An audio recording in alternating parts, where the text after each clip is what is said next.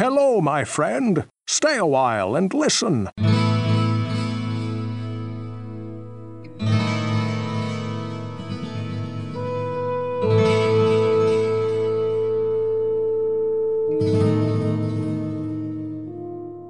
Ja dzisiaj sprzątnąłem w mieszkaniu, odkurzyłem, zmyłem podłogi. Teraz jeszcze tam byłem w paczkomacie. E, wziąłem szybki prysznic i założyłem świeżą koszulkę specjalnie do dzisiejszego nagrania. Po czym teraz jak poszedłem zamknąć drzwi do kuchni, to stwierdziłem, że jeszcze wejdę na chwilę, chwycę szybko Pepsi z lodówki i sobie załyczę trochę tego Pepsi. Oho. No i otworzyłem, pep, wy, wyciąg, otworzyłem lodówkę, wyciągnąłem Pepsi, odkręciłem Pepsi i wybuchło mi w ryj.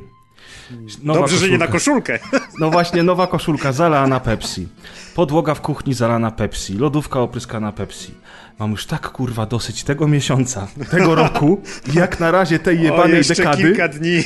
ale jeszcze cała dekada, rozumiesz, Aha, nie? całej dekady, okej. Mam już kurwa Dobrze, że nie życia ogólnie. Oj, czasami powiem ci szczerze, że się zastanawiam. Natomiast witajcie w najnowszym odcinku rozgrywki. Jest to odcinek numer 242. Ja nazywam się Grzegorz Wojewoda, czyli Pres Perez, a ze mną jest Maciek Ciepliński, czyli Razer. Siema, dzisiejszy odcinek to jest palindrom.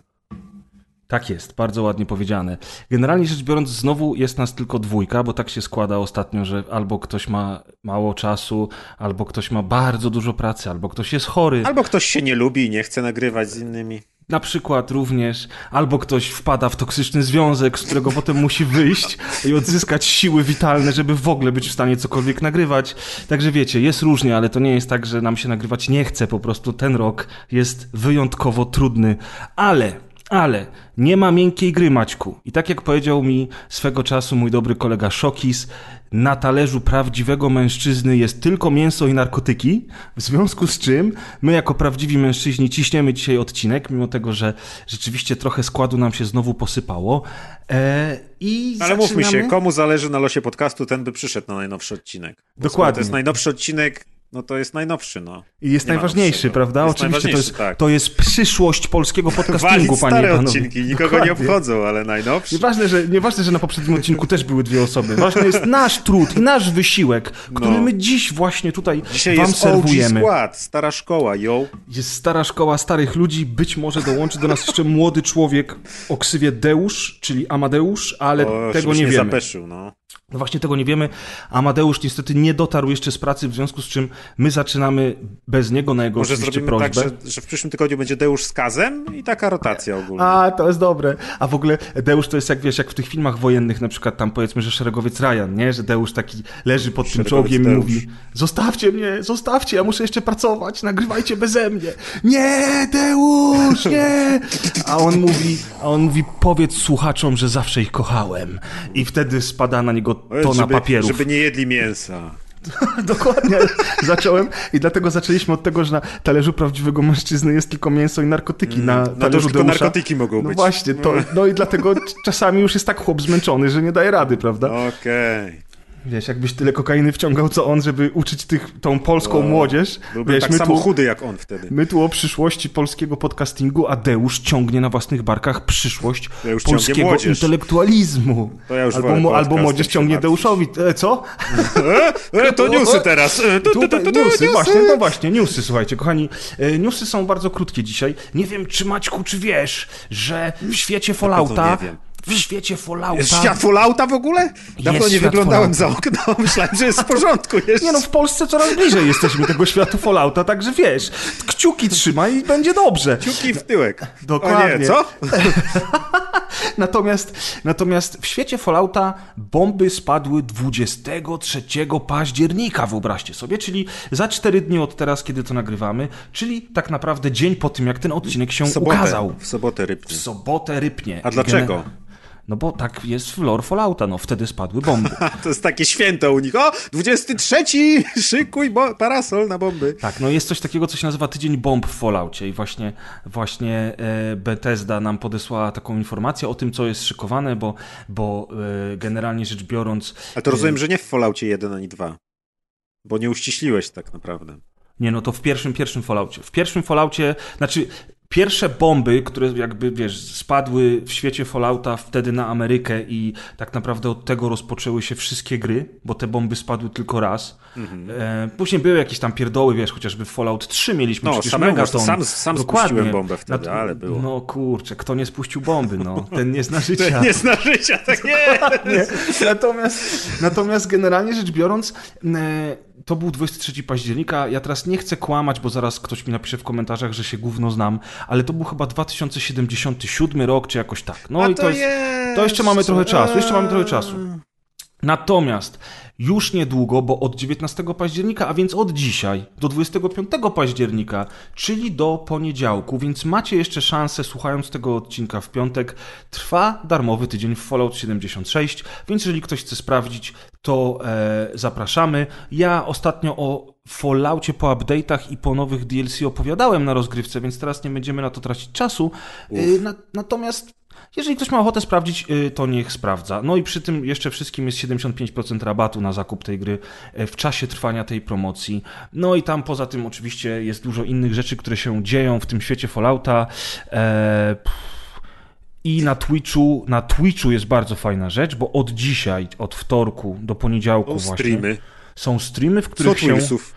E, nie, streamy, streamy właśnie na Twitchu Bethesdy, e, na którym będą na przykład rozmawiali o świecie Fallouta, e, będzie turniej PvP i jakiś trip po Fallout New Vegas też będzie, co akurat jest super, bo New Vegas było genialną grą i jak nie mieliście okazji z nią nigdy obcować, to w piątek 22 października o 20, jeżeli jesteście banymi przegrywami nie macie co robić, możecie obejrzeć. Jezus. Możecie obejrzeć ten stream. Razem z po, podobnymi sobie przegrywami. Wujek prezes wrócił, kurwy! Jedziemy z tym gównem. Dobra, no w każdym razie tak, tak wygląda tydzień bomb 2021. A przypominamy, że Starfield będzie tylko na Xboxa i na PC. Ha, jebać ból dupy. Matko Boska. Wasze zdrowie. I generalnie rzecz biorąc, to jest taki w sumie jedyny news, który przyszedł mi do głowy poza drugim Naprawdę newsem. nie mogę uwierzyć, że to jest naprawdę jedyny news, jaki dzisiaj omawiamy, to to, że jest jakiś darmowy weekend w Falloutie To znaczy, 76. ja mam jeszcze drugi news dla ciebie, ale to jest bardziej taki, taka moja informacja dla ciebie niż taki prawdziwy news. A, już Chciałem- widzę, bo dopiero teraz otworzyłem Tak, tą roz, rozpiskę. rozpiskę. Chciałem się z tobą po, po- podzielić właśnie tą Dobrze, informacją. no, ciesz się, no. E, ale może ty masz jeszcze jakiegoś newsa, którego... Nie, nie, jestem kompletnie nieprzygotowany. kompletnie vorbereitet.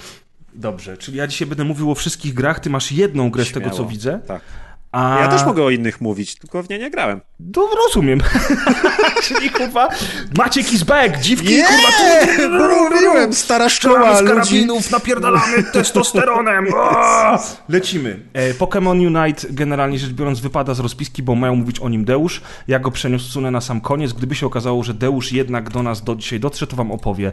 E, Ty Maciek będziesz mówił, widzę, o Eternal Cylinder, taki mały spoiler tutaj dla ludków. Spoiler. To zrobimy sobie tak, że damy go jako Tutaj, trzecią grę. tutaj Mortal Kombat 2, dobrze. Teraz przesuń tutaj Tak, minionki. żeby ludzie, żeby ludzie znowu nie mieli potem bólu dupy, że wojewoda przez cały odcinek tylko gada. I No. tu Lula Wet Empire. Okay. Oj tak, moja ulubiona gra. Maciek, słuchaj. Taka Co się now, s- no? Taki news, w ogóle news. Niedawno, niedawno, e, chyba nawet w październiku, nie wiem, ten miesiąc jest tak zjebany Już 20 dni miesiącem, temu. że ja nie wiem, kurwa, co się działo przez ostatnie 20 dni, ale, ale generalnie rzecz biorąc, e, pojawił się na Gogu wreszcie po latach Blood Omen Legacy of Kain, czyli pierwsza część Mm. serii Blood Omen, czy tam też Legacy of Kain tak naprawdę, em, o którą ludzie na Gogu prosili przez lata. A przede Gogu, wszystkim taki jeden z wrzeszcza. Taki jeden wrzeszcza tym bardziej.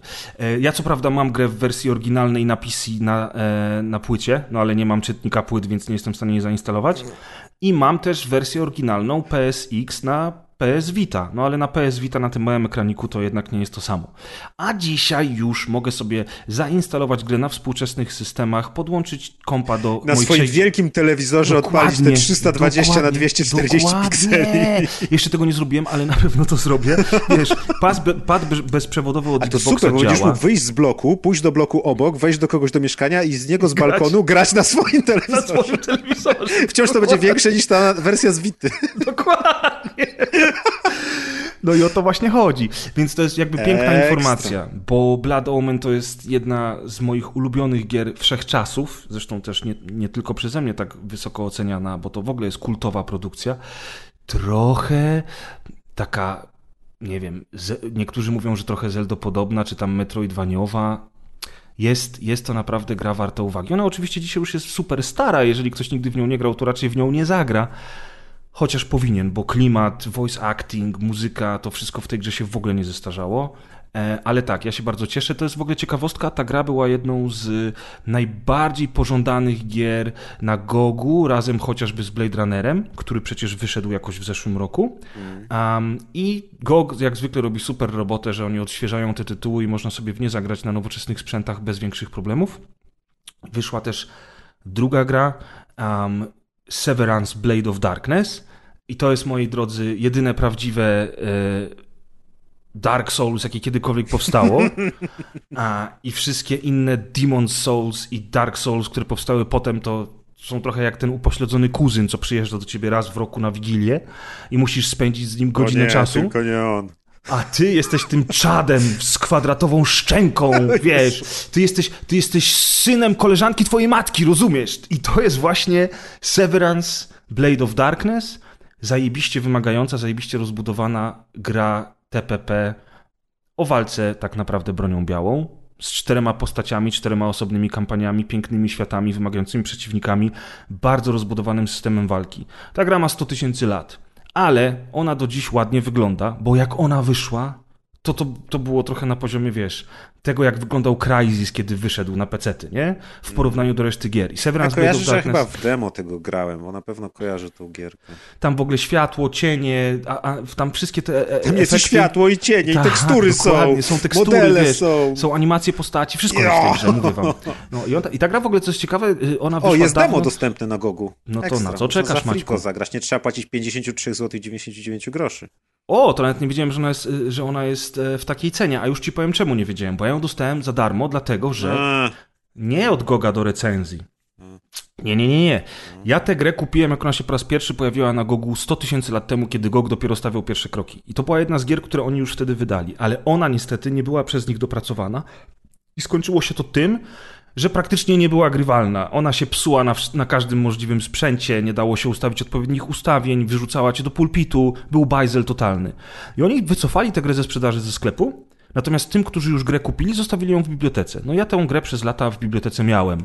Cały czas liczyłem na to, że wyjdzie jakiś mod, może ktoś coś poprawi i da się wreszcie w to grać. Niestety nic takiego nie nastąpiło. I nagle ni stąd, ni zowąd, w całym tym październikowym głównie, które się lało z nieba, w tym, w tym kurwa, psychodelicznym miesiącu z totalnego spierdolenia, nagle, nagle pojawił się Severance Blade of Darkness w wersji zmodyfikowanej, to znaczy, to nie jest tak, że to jest remaster, ale ona obsługuje wyższe rozdzielczości, obsługuje monitory panoramiczne, obsługuje pada i wreszcie działa tak jak trzeba. Jest tam dużo usprawnień i wszyscy, którzy grę już posiadali w bibliotece Goga wcześniej kupioną, dostali tę nową wersję po prostu za darmo, nie?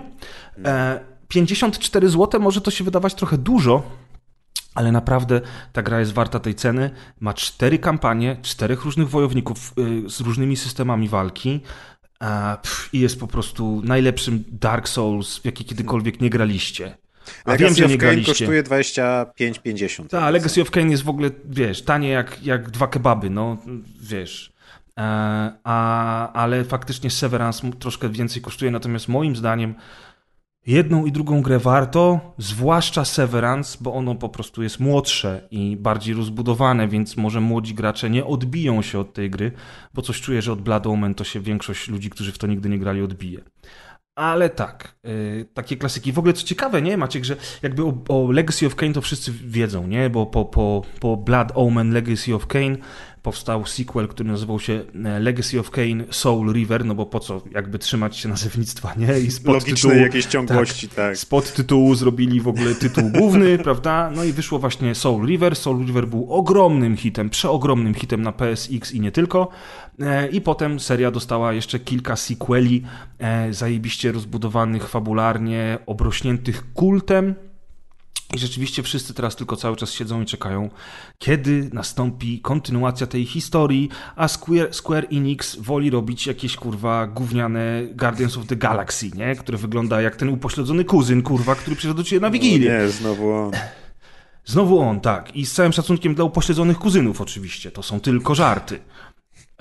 A to jest... Najgorsze w tym, że to jest kuzyn. To nas No boli najbardziej. No, tak dokładnie, kurwa. No co zrobisz? No rodziny się nie Przepraszamy, biera, że kurwa, mówimy nie? kuzyn, ale Z no. toksycznego związku możesz uciec, kurwa, ale od kuzyna nie, nie uciekniesz. Jezu, Będziesz, kurwa, kroił tego karpia. Złapie, no. Będziesz tego karpia kroił w grudniu, O, chłopaku? U, u, u. No, także tak to wygląda, moi drodzy. Um, I to były newsy, bardzo U, rozbudowane. grubiutko, u. Grubiutko, człowieku, ale jakie fajne rzeczy. No. Ale jakie fajne rzeczy. Fallout, Blood Omen, Severance. No. Ja tam Tyle się dzieje w branży. Wow, dobrze, że wszystko ogarnęliśmy. Y, Wyszło dzisiaj War Mongrels.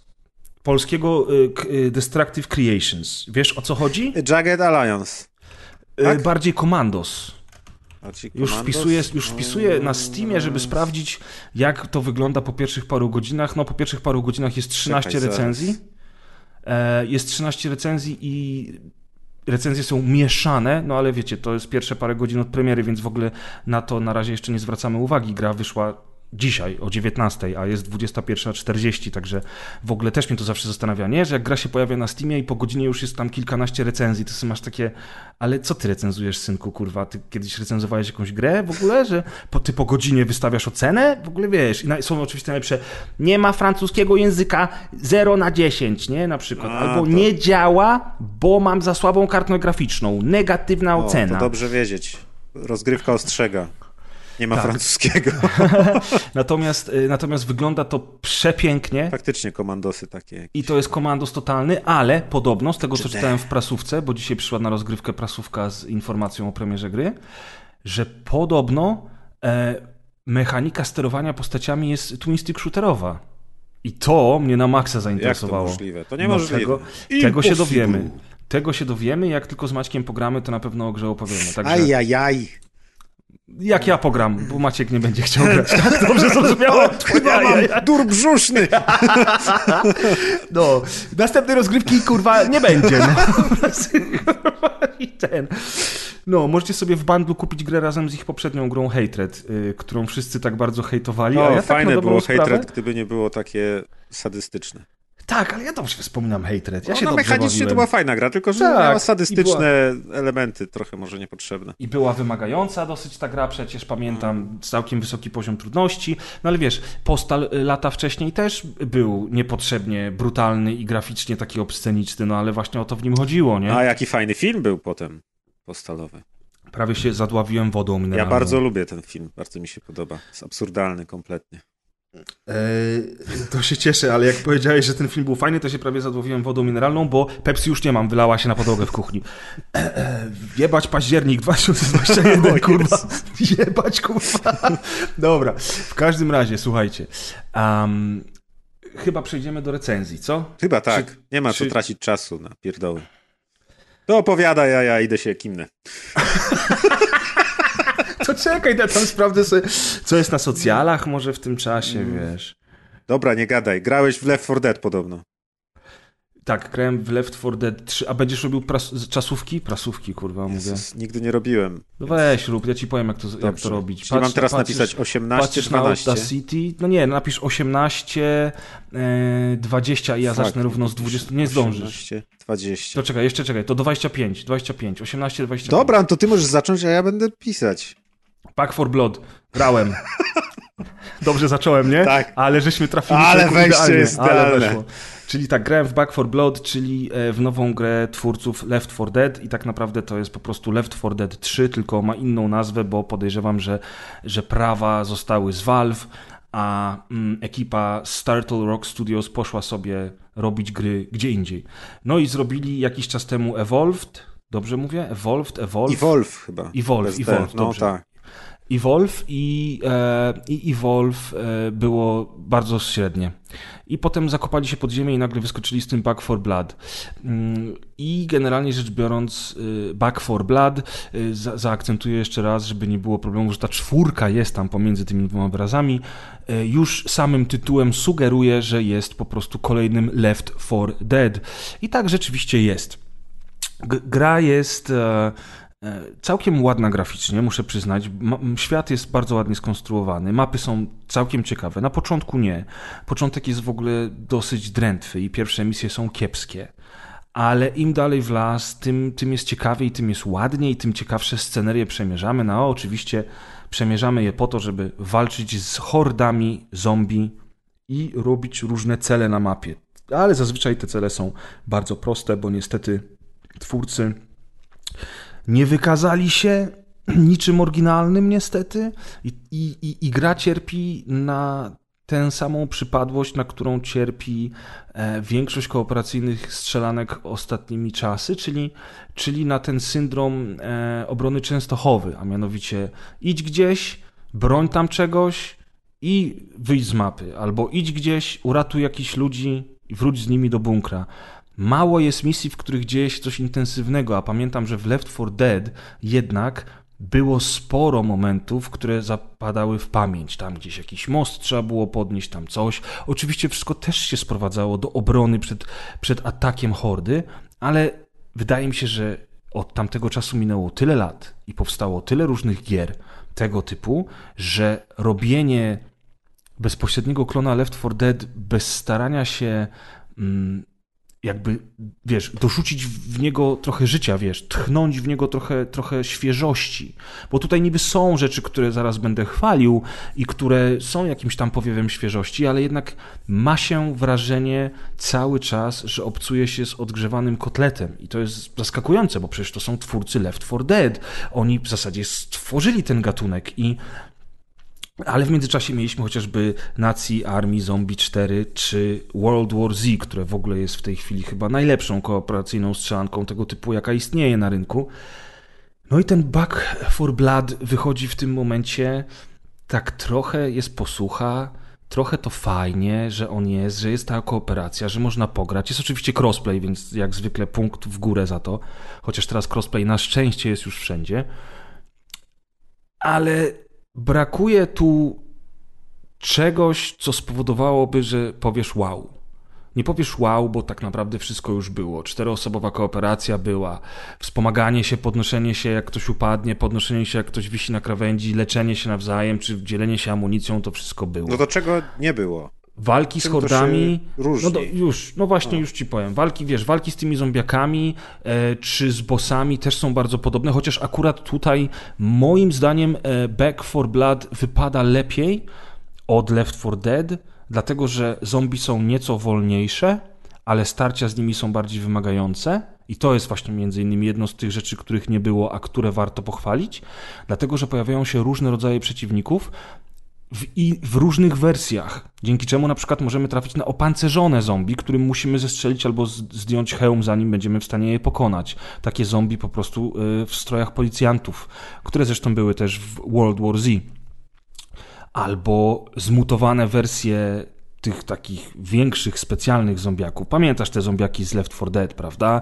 Eksplodujący grubas, jakiś zombie, który wyskakiwał na ciebie z za rogu i przy, przy, wiesz, przygniatał cię do podłogi. I tutaj jest bardzo podobnie. Są bardzo podobne specjalne wersje i mam wrażenie, że niestety większość z nich jest dużo mniej wymagająca i dużo mniej problematyczna niż były w Left 4 Dead. Mhm. I zupełnie nie rozumiem czemu. Bo okej, okay, na przykład jest taki, jest Waligura tak zwany, ten z tą wielką ręką, który po prostu widać, że masturbacja jest jego hobby i on po prostu nic innego nie robił, a ponieważ jest apokalipsa, to kina, kina są wyłączone, prądu nie ma, no to co ma chłopak robić? I, e, I on z tą wielką ręką biega po mapie i tam próbuje cię chwycić, przygnieść, uderzyć i w ogóle. I musisz mu strzelać w specjalny punkt na tej ręce, który oczywiście świeci na pomarańczowo, tak jak w każdym Resident Evil, e, żeby mu tą rękę odstrzelić, on wtedy pada. Ale później, na późniejszych etapach e, kampanii, pojawiają się wersje opancerzone i ta wersja opancerzona polega na tym, że nie jesteś w stanie mu tej ręki odstrzelić. E, on jest też oczywiście trochę mocniejszy, ale nadal nie jest problemem, bo po prostu wtedy trzeba mu strzelać w głowę. E, co jest w ogóle prostsze niż strzelanie w tą rękę tak naprawdę. No i mam, mam wrażenie, że trochę nie chciało im się pomyśleć nad niczym, nad niczym ciekawszym. Na przykład fajne są te zombie, które rzucają się na ciebie i przygwożdżają cię do podłogi. One są poprzyklejane do takich kokonów w różnych miejscach mapy. E, i po prostu możesz ich czasem nie zauważyć. Na przykład jak wyjdziesz z za rogu, a tam w ciemnym korytarzu jest taki zombie, to on wystrzeliwuje z tego kokonu, rzuca się na ciebie, no i tak długo będzie cię okładał, aż cię zabije, chyba że któryś z członków drużyny ci pomoże, zastrzeli go i pomoże ci mhm. wstać, nie? Wiesz o co chodzi. E, I to jest na przykład ciekawe, bo one są tak fajnie rozmieszczane, że czasami naprawdę ciężko je zauważyć i wtedy po prostu z nienacka y, taki stworek cię atakuje, a na wyższych poziomach trudności to już zaczyna mieć znaczenie. Normal jest, normal jest prosty, chyba że grasz w pojedynkę z botami, to czasami się pomęczysz, ale, ale z, gór, z, z grubsza jest prosty. On, poziom trudności rośnie z każdą kolejną misją, ale to nie jest tak, że tam się nie wiadomo jak trzeba napocić. No ale na tym polegają te gry, że po przejściu pojedynczej kampanii przechodzisz ją jeszcze raz na wyższych poziomach trudności. Tutaj, mm, tutaj yy, ciekawe jest to, że w przeciwieństwie do World War Z, w którym mogłeś od razu wybrać poziom trudności, to tutaj, żeby zagrać na wyższym poziomie trudności w daną misję, to musisz ją najpierw przejść na tym podstawowym, nie? Mhm. Czyli gra jakby zmusza cię do tego, żebyś, żebyś robił po kolei wszystkie misje, a potem zaczynał od nowa na wyższym poziomie trudności, ale ma to sens, bo tu są karty. I te karty to są różne boosty, które ty wykorzystujesz w trakcie rozgrywki. Ty... Element kustomizacji swojej postaci, jak nie? Takiej nie, nie, nie, tylko postaci, ale też drużyny. Dlatego, że już tłumaczę tobie i słuchaczom, jak tą talię się robi. Na początku masz podstawowy zestaw kart, ale potem za robienie misji dostajesz punkty, za które kupujesz nowe karty. I najlepiej od razu zbierać całe sety, czyli masz trzy sety do wyboru. Jak odblokujesz jeden cały set, kupisz wszystkie osiem kart, to on znika i w jego miejscu pojawia się kolejny set. I tam są oczywiście takie pierdoły, jak jakieś graffiti w kształcie baseballa albo mm, kolor, kolor, skórka na broń, no, że na przykład twój Glock ma inny, będzie miał inny kolor, albo czapka dla twojej postaci. Ale najważniejsze w tym wszystkim są te karty.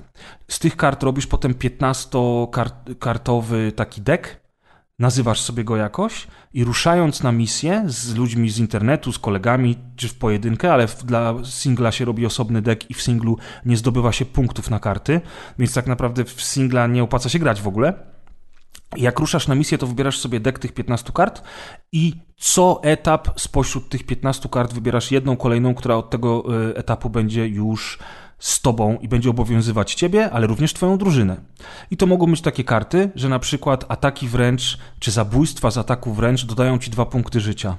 Albo, że cała drużyna ma 15% więcej amunicji przy sobie. Wiesz o co chodzi. Mhm. Albo na przykład, że jak przytrzymasz y, atak wręcz, to mm, jak masz tą kartę aktywowaną, to ten atak wręcz będzie zadawał 100%, 100% więcej damage'u niż zadaje normalnie. E, I tak dalej, i tak dalej. To jest całkiem ciekawe, bo możesz sobie przygotować różne fajne buildy, a jak poziom trudności rośnie później przy kolejnych przejściach, to te karty rzeczywiście mogą się przydać. Są chociażby też takie karty, że na przykład jak podnosisz kogoś, to podnosisz go dwa razy szybciej i on zaczyna z 40% życia, a nie tam z 20, wiesz, etc. Mhm. You get the picture. Generalnie rzecz biorąc, jest to całkiem, całkiem ciekawy sposób na urozmaicanie tej roz, rozgrywki. Tym bardziej, że są też karty przypisane do kampanii i karty losujące się, które wpływają negatywnie na, na przebieg tej kampanii. To znaczy, na przykład na całej mapie jest mgła, albo pojawiają się właśnie opancerzeni specjalni, albo y, masz takie wyzwania, że jeżeli ukończysz etap poniżej 10 minut, to dostaniesz 500 y, sztuk złota plus jakieś tam te punkty właśnie do wydawania na karty. Bo złoto podnosi się w grze i złoto wydaje się pomiędzy misjami. Kolejna fajna rzecz, której nie było w Left 4 Dead, to jest modyfikacja broni. Broni jest bardzo dużo, są różne rodzaje broni e, i możesz tę broń sobie podnieść albo kupić w sklepie i pomiędzy każdą misją w tym samym sklepie, bo zawsze kończysz w schronie, tak samo jak to było w Left 4 Dead i pomiędzy każdą z tych misji jesteś w stanie e, po prostu na przykład kupić sobie kolimator, albo tłumik, albo powiększony magazynek. Nie ma jakichś ograniczeń, że ktoś nie może używać jakiegoś rodzaju broni? No właśnie nie ma. Każda z tych postaci ma po prostu do specjalne no skille. E, każda z tych postaci ma specjalne skille, które wpływają na nią i na resztę drużyny, że na przykład e, jeden koleś ma mm, o 10% zwiększoną celność, nie? A ktoś inny ma coś tam, że na przykład y, z większej odległości wykrywa złoto. Czyli te postacie pierdoły. się też między sobą różnią niezależnie od, od tych kart, tylko że same tak, postacie są... każda postać, każda postać jest też kartą. Aha. I jakby wchodzisz do gry z kartą postaci i od razu na starcie masz te modyfikacje, które karta postaci ci daje. Aha. Nie? Więc to akurat pod tym względem jest bardzo fajne i uważam, że, że, że, że jak już człowiek rozgryzie ten system i, i w niego wejdzie, to można się dobrze bawić. Tam jest kampania w ogóle, co znaczy inaczej. Tam jest fabuła dużo lepsza niż w Left 4 Dead. Ma się wrażenie ciągłości tej fabuły, ma się wrażenie, że coś się robi. Ciekawe jest to, że nawet jak wymieszasz ze sobą różne postaci, bo tam jest chyba 8 postaci do wyboru, nie? I zawsze masz tylko 4 w zespole, to te dialogi między tymi postaciami zawsze mają jakiś większy sens. To znaczy, to nie jest tak, że oni se rzucają jakieś puste hasła po prostu w eter, tylko rzeczywiście między sobą jakieś tam teksty rzucają. Jest świetny system oznaczania, takie zwykłe pingowanie, które oczywiście już było w milionie gier, ale tutaj pod klawiszem Q pingujesz wszystko, co się da spingować, czyli miejsce, gdzie chcesz iść, drzwi do otwarcia, skrzynkę z amunicją, przeciwnika, pukawkę i nawet nie musisz mieć voice chata, bo wystarczy, że klikasz to Q i twoja postać jasno i wyraźnie mówi do całej reszty: Ej, chyba musimy iść tędy. Ej, tu leży shotgun. Ej, tu są drzwi do otwarcia. I to jest zajebiste. Bo możesz grać z randomami i tylko i wyłącznie używając pingowania jesteście w stanie się ze sobą dogadać. Mhm. No, I, i, ale wiesz, ale to jest po prostu dalej Left 4 Dead. Właśnie Są- to brzmi trochę jak Left 4 Dead, tylko taki trochę bardziej przystosowany do naszych czasów, właśnie z tymi mechanikami różnymi popularnymi, czy to właśnie kustomizacja, czy, czy to pingowanie i tak dalej, ale jakby sam rdzeń został taki sam. Sam rdzeń został taki sam. I powiem szczerze, że po World War Z albo po State of Decay 2, mm, ja nie wiem, czy Back 4 Blood ma dzisiaj siłę przebicia. On na pewno zyska na tym, że jest w Game Passie i że jest crossplay. Ale no, ja, ja, ja, ja na początku się bawiłem średnio. W pewnym momencie stwierdziłem, że bawię się wręcz fatalnie. A potem skończyłem pierwszy akt, zaczął się drugi akt i nagle zacząłem bawić się dobrze. Zacząłem kminić te karty, zacząłem bawić się tymi wszystkimi modyfikacjami, które są w grze. Zrozumiałem trochę, jak działa świat tej gry i, i uznałem, że ostatecznie, jak na taką grę kooperacyjną, to ona po prostu, no jakby, okej, trzyma fason. Może razem z kolegami z World War Z czy z, z, z Zombie Army 4 usiąść w parku i nie będzie siary, nie? Że przyszedł ten twój kuzyn, tylko, tylko wiesz, tu widać, że to jest swój ziomek i, i że jest okej, nie? Że, jest, że, że faktycznie jest okej. Mm, Największy zarzut, jaki mam do tej gry, to jest długość misji, ponieważ mam wrażenie, że tutaj nie było żadnej reguły i niektóre misje trwają 5 minut, inne trwają 20. Ostatnia misja pierwszego aktu to w ogóle zajęła mi chyba, przysięgam, 3 minuty, żeby ją skończyć? 4? Co Wiesz, bardzo dziwne. i, I to jest bardzo dziwne, bo niektóre misje są długie, a inne są, a inne są super krótkie. I, I to jest największa słabość tej gry. Oni już oczywiście mają zapowiedziany Season Pass i tam na pewno będą wychodziły dodatkowe misje. Wiesz, zapomnijmy o czasach Left 4 Dead, kiedy te rzeczy były dodawane za darmo. E, I był jeszcze Steam Workshop i można było sobie ściągnąć mapy stworzone przez graczy i po prostu bawić się w nieskończoność, a przecież w samym Left 4 Dead 2 to mam chyba 150 godzin nabite. Ja wiem, że dla niektórych to jest mało, bo grają, mają na przykład 3000 godzin w Destiny. Ale ja nigdy nie byłem takim graczem, który będzie siedział przy jednej grze non-stop. W związku z czym 150 godzin w Left 4 Dead 2 to jest dla mnie w ogóle jakiś wyczyn, nie? I teraz, i teraz właśnie obawiam się, że niestety, ale przez to, że e, e, Back 4 Blood będzie miało płatne te dodatki, to bardzo szybko ta gra po prostu, wiesz, kipnie, nie? Nie, nie, nie, nie wróżę jej, wiesz, dekady, czy nawet kilkunastu lat popularności, którą miało Left 4 Dead, bo to w ogóle był fenomen. I ja rozumiem, że być może ciężko jest powtórzyć sukces tym samym twórcom. Wiesz, o co mi chodzi? Że, że jest to jakieś wyzwanie dla nich, żeby teraz stworzyć coś świeżego, coś nowego, co będzie lepsze od, od ich opus magnum, bo przecież Left 4 Dead to jest ich opus magnum. I, i, I to jest tak niesamowicie popularna gra, że. No ale teraz też jest, y, zmienił się cały y, świat, nie? Są Battle Royale, są fr- free to play i tak dalej, więc też no, nie ma szans na powtórzenie tego sukcesu, co najwyżej właśnie na kolejną grę w takim dosyć charakterystycznym gatunku, czyli właśnie koopowe, takie masowe strzelanki, y, my versus masa przeciwników. Chociaż tam multi też jest chyba, nie? Takie, też Właśnie takie w nie ma tego multi, przynajmniej na razie go nie widziałem. Aha, bo widziałem właśnie E, na recenzjach tu na YouTubie, że są jakieś takie, że też ktoś grał zombiakiem przeciwko tym. A, bo jest jeszcze tryb hordy i być może, ja myślę, to się nazywa chyba tryb roju, ja w, tego, ja w to w ogóle nie grałem, to jest Mhm. dodatkowy tryb w grze. I ja myślałem, że to jest po prostu zwykła horda, wiesz, na jednej mapie. Mhm. I, jak- a możliwe, że to jest multiplayer, widzisz, no. Widzisz, nie Taki, taki bardziej to. wersusowy, no. I no, potem, taki, i jest- potem taki kurwa wojewoda idzie na tego Steama i po godzinie wystawia recenzję. Nie ma dokładnie. multi, do dupy jest! Do dupy! No, ale jakbym miał, jakbym miał wam powiedzieć, czy macie wybrać to, czy macie wybrać World War Z, o którym chłopcy rozmawiali na poprzednim odcinku. e, Ja nawet nie wiem, czy oni go chwalili, czy nie. Ty słuchałeś, Maćku? E, Tak, Paweł chwalił. A Tak, bo Adek Paweł- wspominał, że nie ma kolegów. A, racja, Adek mówił, Adek mówił, że grał w to z nami, w związku z czym mu się nie podobało, bo Tak. grał z nami, tak, to się zgadza. Faktycznie masz rację. Y, Paweł oczywiście chwalił, bo Paweł y, się, Się zna. zna na grach, tak. Dokładnie. Pozdrawiamy, W związku z czym Paweł. y, pozdrawiamy. Jeżeli macie wybrać jedną z tych dwóch gier, to koniecznie sięgnijcie po World War Z. To jest bardzo dobra gra i ma całkiem ciekawe i dosyć oryginalne multi jak na tego typu setting, bo nie ma właśnie tego multi, w którym e, druga drużyna wciela się w potwory, tylko są dwie drużyny, które na przykład walczą o wzgórze albo mają team deathmatch, a wokół na mapie są całe masy zombiaków. To jest całkiem spoko. A sama kampania, wszystkie misje, wszystkie mapki, walka w ogóle w tej grze są naprawdę, naprawdę, naprawdę satysfakcjonujące. No ale zakładając, że jesteście takim grzesiem e, i skończyliście już grać w World War Z po raz trzeci, e, a chcecie sięgnąć po coś podobnego, no to faktycznie Back for Blood będzie dla was. Tym bardziej, że z tego co widziałem w internecie od ludzi, którzy zazwyczaj w takie gry nie grają, to wszyscy mówią, że w czteroosobowej kooperacji po prostu bawią się super i to jest po prostu dla nich fan. Fan, fan, fan. Tak jak mówił Adolf Hitler. Freitag, fun, fun, fun. Prawda?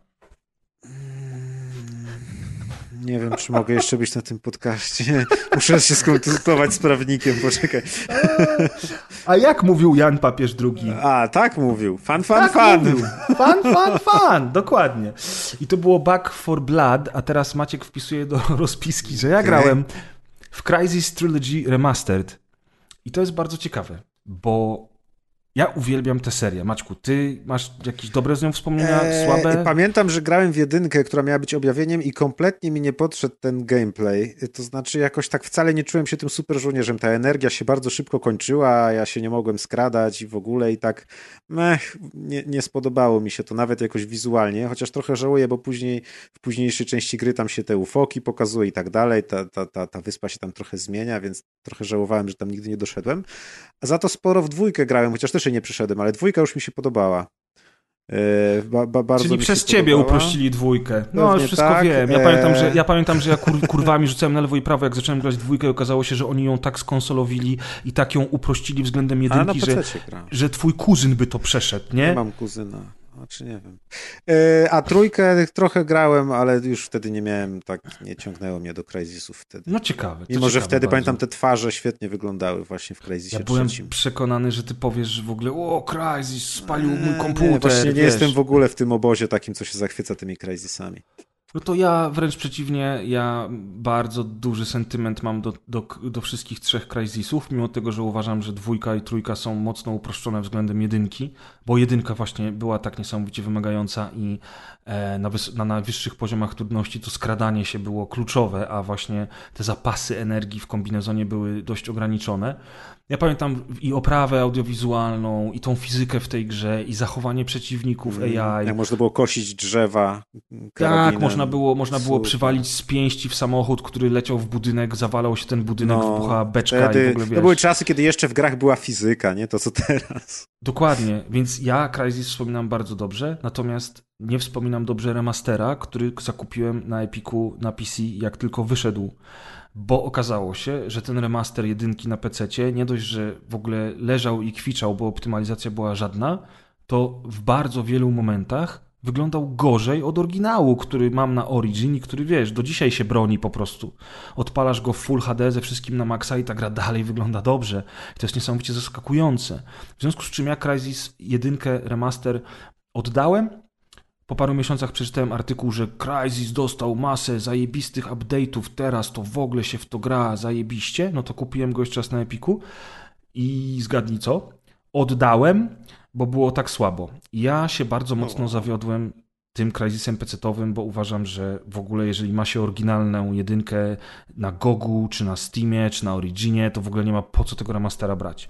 No ale stwierdziłem, że całą trylogię na konsoli, bo trylogia wyszła teraz na konsolę, to sprawdzę jednak. Po pierwsze, bo to 4K i HDR-y, jedynka to w ogóle ma ray tracing, a moja karta graficzna przecież nawet nie jest w stanie na kompie ray tracingu odpalić. Mówię, no zobaczymy. I rzeczywiście pograłem całkiem sporo, bo powiem ci, że siedziałem całą noc i testowałem wszystkie trzy części po kolei. W ogóle jedynkę to doszedłem aż do kosmitów, tam gdzie już się zaczyna zima, więc w ogóle się wciągnę. Jedynka jest, jedynka jest genialna, ja uwielbiam jedynkę. I generalnie rzecz biorąc, y, miłe zaskoczenie. Wersja Crysis Remastered na XSX chodzi w 60 klatkach bez najmniejszych problemów. E, wygląda bardzo ok. Jak na Crysisy, wiesz, spodziewałem się, że będzie wyglądało gorzej na konsoli, a wygląda bardzo ok. Do tego możesz włączyć ray tracing. Z ray tracingiem nadal masz 60 klatek, ale światło jest dużo ładniejsze i warto było zagrać w to na konsoli. To po co jest wersja bez ray tracingu? Nie wiem, Chyba, że działa w wydaje, mi się, że, wydaje mi się, że wersja ray tracingowa chodzi tak dobrze tylko i wyłącznie na, na Series X i na Aha. PS5. A wiesz, a ta gra Okej. wyszła na wszystko. Ta gra wyszła na wszystko. A na No i- Switcha? A na Switcha to chyba nie. Switch to nikogo. Podobno jakaś była ankieta ostatnio Gol y, na Twitterze i, I była było tam, imba. że Switch nikogo wyszło? Nie, była jakaś imba, wiesz co, ludzie w internecie, wiesz jak to ludzie w internecie, coś, ktoś napisał, że Switcha nie ma w tej ankiecie, coś tam i człowieku, dwa dni się zabijali w tym internecie, nie? O, dobrze, A ja może się tak stałem, wszyscy. tylko tak stałem jak Odyn, wiesz, z amerykańskich bogów i mówiłem, ta ofiara dla prezesa, przelejcie krew dla mnie. Kurwa, po prostu. I te błyskawice za mną waliły, człowieku. Best day ever. No, Crysis, dobra, lecimy. Crysis 1 na konsoli daje radę. Wygląda ładnie. Są niestety problemy z wodą, bo jak włączasz ray tracing, to ta woda zaczyna się jakoś dziwnie zachowywać. Ale przymrużyłem na to oko. Oko, nie? Nie ucho. Ucho też mogłeś, nie wiem. Mogłem trochę, tak, mogłem.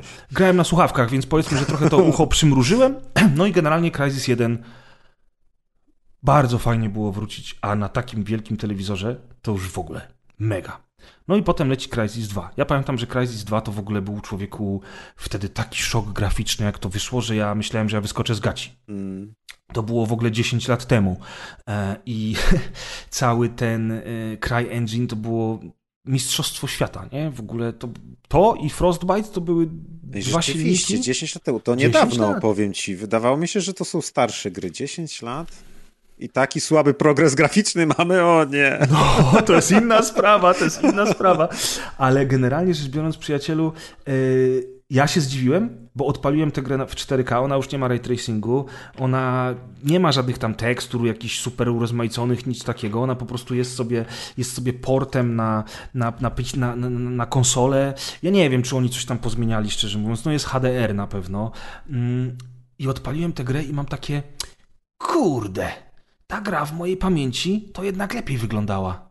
Ona dzisiaj dalej robi wrażenie, okej, zwłaszcza te rozległe scenerie, to miasto, to naprawdę robi wrażenie, ale w pomieszczeniach, w bliskości przeciwnika, jak widzisz, że oni są tacy trochę, wiesz, jednak kwadratowi, trochę Mhm. tacy wycięci z kartonu, wiesz o co chodzi?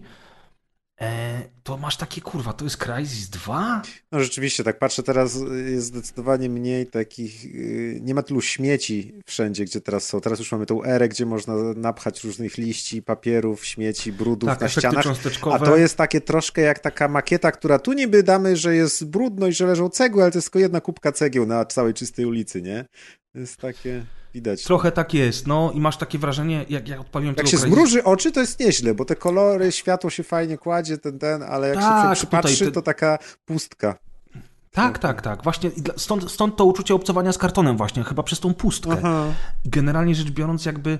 Mm, Jest takie najgorsze- nierealistyczne mimo wszystko. Niby realistyczne, No, no. a nie, nie łykasz tego. Nie, tak- już nie, absolutnie już nie. Wtedy, 10 lat temu, pff, wow, wow, to było takie piękne, że ja musiałem grać na low, żeby w ogóle mój komputer to pociągnął. A dzisiaj? No nie, no ale wiadomo, minęło 10 lat. E, Masz dlatego trochę jakby... lepszy komputer. Mam trochę lepszy komputer. Na, na, nazywanie, tego, nazywanie tego remasterem jest dla mnie trochę.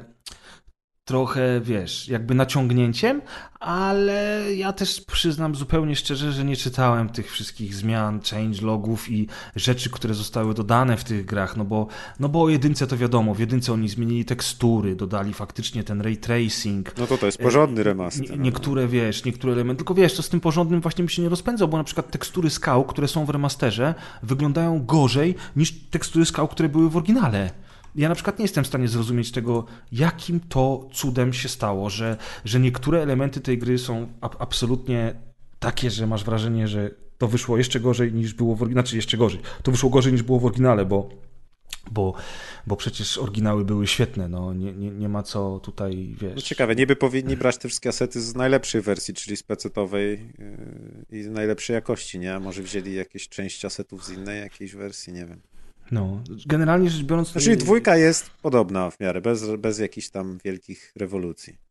Oni piszą, oni piszą w newsletterze, że jest yy, poprawione jest oświetlenie. super, proszę kupić. Tak, jest super, proszę kupić, tak, ale że jest poprawione oświetlenie, ulepszone posta wizualnie postaci, broń, otoczenie, a także tekstury o wysokiej rozdzielczości i to daje krystalicznie czysty obraz. Tylko, że właśnie ten krystalicznie czysty obraz polega na tym, że jak ty patrzysz na Crysis dwójkę w 4K, to mówisz, aha, ta gra ma 10 lat, nie?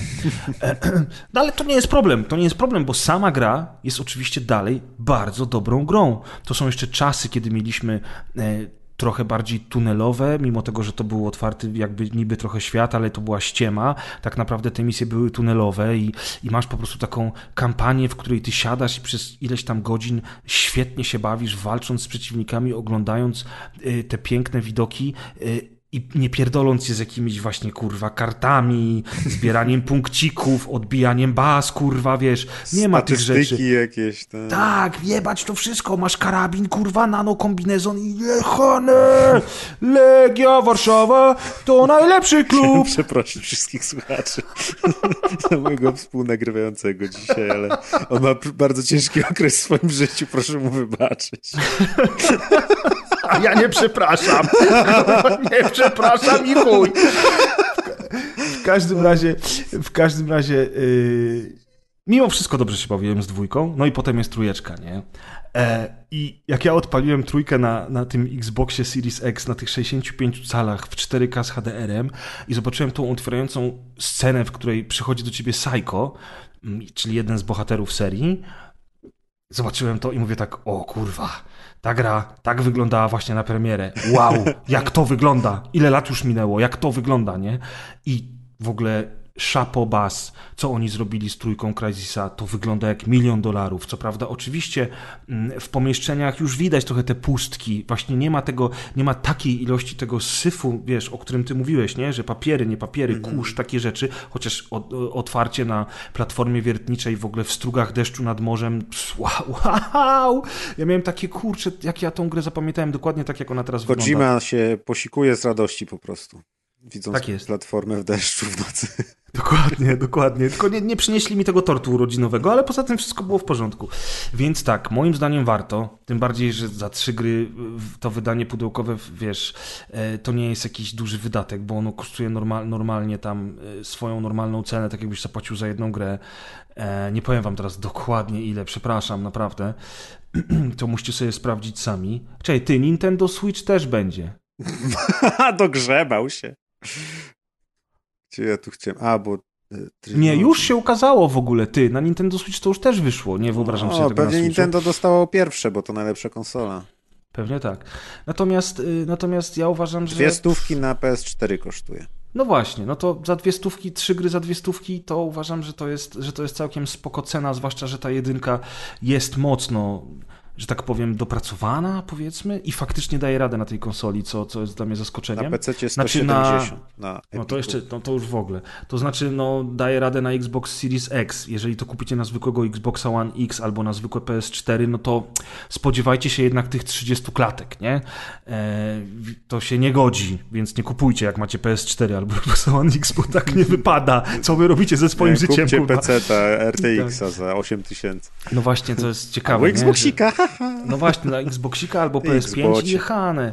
Jechane. Nie, powiedziałem albo PS5, Aha, no zaznaczam, no dobra, podkreślam. Dobra. Albo PS5, chociaż lepiej Xboxa. No, każdy to wie. W każdym razie mam za to wielki żal do, do twórców o wyjebanie wszystkich multiplayerów. Bo o ile jeszcze rozumiem, że multiplayer z jedynki i multiplayer z dwójki mogły zostać usunięte, to nie rozumiem absolutnie, dlaczego multiplayer z trójki się nie pojawił w tej trylogii. Dlatego, że po pierwsze był zajebisty, po drugie miał bardzo fajne tryby, a po trzecie, o ile dobrze pamiętam, to, to było e, P2P, więc jakby to gracze mieli te serwery tworząc gry, a nie, a nie, że firma musiałaby teraz utrzymywać serwery. Chociaż może mnie pamięć myli. Natomiast ja nie lubię takich akcji, naprawdę nie lubię. Nie rozumiem, czemu oni robią takie, takie, takie reedycje i wywalają połowę gry z nich. Tak samo jak wyszło Modern Warfare 2 Remastered, które nie miało multi. Jedno z najlepszych multi w historii serii, Modern Warfare 2, wyszło w wersji zremasterowanej bez multi. Czapki z głów, kurwa. W ogóle kto robi takie rzeczy? No ale Podejrzewam, że większość graczy, którzy sięgną po trylogię, to sięgną po nią dla singla, a nie dla tego multi, o którym ja mówię. Prawda, Maćku?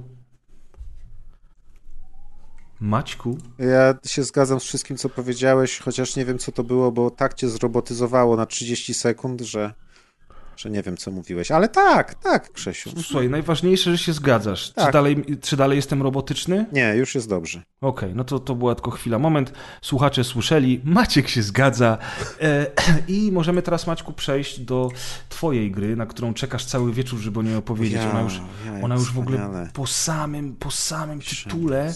Zarobisz czasówkę. 50, ja piszę Maćku, piszę, teraz pozwól, że się odwdzięczę tobie. 0050 i go! Eternal Cylinder, czyli Woohoo! wieczny cylinder. E, to jest taka mega fajna gra, dziwna, na którą już dawno temu zwróciłem uwagę. I czekałem, czekałem, czekałem, no i w końcu się ukazała, w końcu sobie mogłem pograć. Niestety u mnie z graniem ostatnio strasznie słabo, jeśli chodzi o czas, więc zagrałem, no tam, nie wiem, ze dwie godziny może. A, o wiele mniej to. niż chciałem. Tak, a gra jest dosyć długa, bo jest tam chyba na ponad 10 godzin. To jest gra e, z dewelopera Ace Team i to jest deweloper, który zrobił serię Xenoclash mm -hmm. i mhm. serię Rock of Ages. No proszę. też to była ta bardzo dziwna bijatyka FPP w takim bardzo, bardzo dziwnym świecie fantastycznym. I to widać, widać teraz oglądam materiały z Eternal Cylinder, to widać, że to są ci tak, sami twórcy. Tak, nie? a Rock of Ages to była taka powalona gra w stylu takich powiedzmy y, tych y, animowanych grafik Monty Pythona, które też tam mieli i, i tam się leciało kulą, która tam niszczyła rzeczy. Nie wiem, w to akurat nie grałem. Ale tak, no to są typy, to są ludzie w ogóle z Chile, Chile to mm -hmm. właśnie teraz się kapnąłem, że to jest najbardziej podłużny kraj na świecie chyba. Nie ma no nigdzie indziej takiej dżdżownicy. Śmiesznie Rozgrywka wygląda Chile, uczy polecam. i bawi. Zobaczyć, tak. Yy, I no i tak, i zrobili Eternal Cylinder. Eternal Cylinder to jest gra yy, o, dziejąca się w bardzo dziwnym, fantastycznym świecie, yy, w którym przejmujemy kontrolę nad takim śmiesznym, małym stworkiem, który jest kulką z nogami i strąbką i e, na samym początku gry się rodzimy i widzimy e, na, za swoimi plecami wielki cylinder, który powoli toczy się i wszystko na swojej drodze miażdży, więc się od niego oddalamy. Ten cylinder po chwili staje i głos narratora, który tam przez całą grę nam towarzyszy, zaczyna nam snuć historię tego, kim jesteśmy, co robimy trochę na tej planecie. Chociaż nie tłumaczy wszystkiego od razu, tylko powoli, w miarę postępów opowiada historię tej rasy, już teraz nie pamiętam jak oni się tam nazywają, ale tych takich stworków, którymi kierujemy. E, wow, jakie to niektóre te stwory są śmieszne. Tu są stwory takie, że po prostu mogą zawstydzić wyobraźnię ludzi, którzy robili najdziwniejsze jakieś designy stworów w grach. To mi trochę przypomina, była taka gra chyba Spor, była, była, tak, tak, tak. Sporo akurat nie grałem, ale tam się tworzyło takie przedziwne ufolutki, mutacje jakieś. No, to jest takie dosyć podobne do To jest dobre skojarzenie. No, myślę, tak. że, myślę, że też Geiger, gdyby żył, to byłby trochę zazdrosny, bo widzę tutaj mnóstwo falicznych kształtów. Aha, okej, okay. nie zauważyłem tego, ale głodnemu chleb na myśli. Twój, no, twój własny ludek ma siusiaka zamiast nosa. To jest trąba. Okej. Okay. No jak zwał, tak zwał, okej. Okay. That's what she said. Tak, Dokładnie. jeszcze mi się to też kojarzy z No Man's Skyem, bo to jest właśnie taki odjechany kosmos, bardzo kolorowy, z przedziwnymi kształtami, stworkami i tak dalej, więc to jest dosyć No Man's Skyowy również. I była też taka gra, z którą, w którą graliśmy z Kuldanem w kooperacji swego czasu, też wyglądała trochę jak No Man's Sky była takim trochę platformero, puzzlerem, strzelanką. Kurczę, jak ona się nazywała? Z pierwszej osoby taka, gdzie też były Tak, z pierwszej takie osoby. Pamiętam, to tam coś tam, dwa lata coś tam temu. Escape from the Evil Planet, czy jakiś... Aha, tak, jakiś coś takiego. E, no, no, no, no, to, To jest tam właśnie też były takie stworki klimatach. dziwne. Śmiechowe No. to jest. I tutaj gra polega na tym, że tak, są jakby dwie, na, na, na, na dwie takie części się dzieli. Jedna to jest y, ucieczka przed tym cylindrem, który w pewnym momencie zaczyna się toczyć. I wtedy to jest taka bardziej zręcznościowa część, kiedy my musimy y, szybko przed nim uciec, bo ten cylinder, ja myślałem, że on się będzie cały czas toczył przez całą grę, a on jest tak, że są takie miejsca, takie powiedzmy bramy, które go blokują. I kiedy my przez tą bramę przejdziemy, to jest jakby taki checkpoint, to on na tej bramie staje, zatrzymuje się i nie ruszy, dopóki my też nie przekroczymy takiej granicy błękitnej, która tam miga. Czyli tak naprawdę, jak tylko ten cylinder nas nie goni, tylko stanie, to możemy sobie dowolnie ten obszar, który mamy do dyspozycji, eksplorować i tam znajdywać różne rzeczy. I dopiero jak już wszystko odkryjemy, to przechodzimy przez tą barierę, cylinder zaczyna nas gonić i my dobiegamy do kolejnego tego checkpointu, to tej jest, blokady. jakaś taka, to jest jakaś taka metafora do tego roku, czy...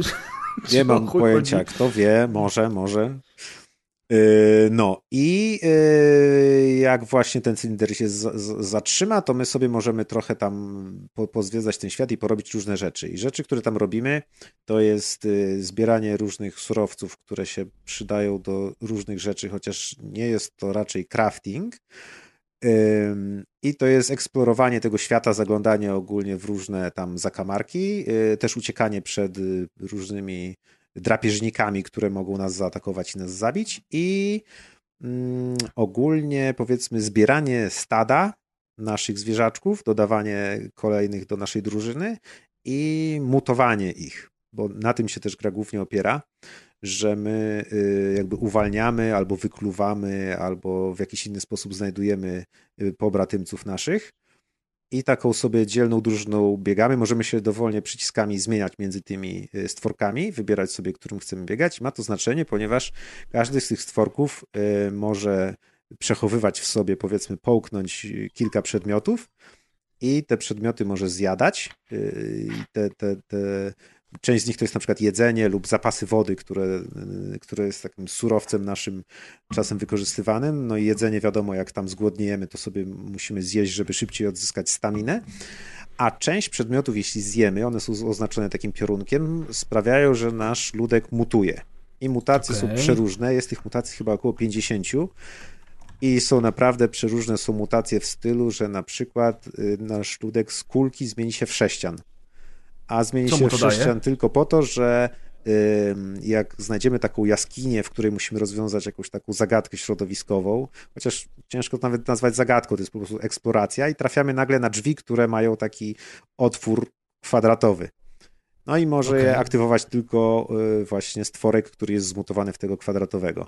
Ale są na przykład mutacje typu, że jak y, na przykład są takie dmuchawce, jak te dmuchawce sobie wciągniemy nosem i zjemy, to na nosie wyrasta nam tak jakby filtr powietrza i dzięki temu możemy przebywać w takich miejscach, gdzie jest gaz i nam życie nie ubywa wtedy No bo normalnie giniemy. I tak samo są mutacje typu y, zjesz coś, to ci wyrośnie futro, więc możesz w zimnym klimacie biegać. I jak nagle znajdzie się takie miejsce y, na mapie na twojej drodze, gdzie jest śnieg i normalnie stworki zamarzają im życie spada, to jak są te zmutowane na, na, z tym futrem, no to im nie spada. I tak samo możesz mieć na przykład większą trąbkę, którą możesz y, trąbić i odganiać y, właśnie drapieżniki, żeby cię nie atakowały. Wow, czyli Masz- coś takie bycie samcem alfa. Od, o, Tak, a najlepsze jest to, odstraszasz drapieżniki swoją trąbą.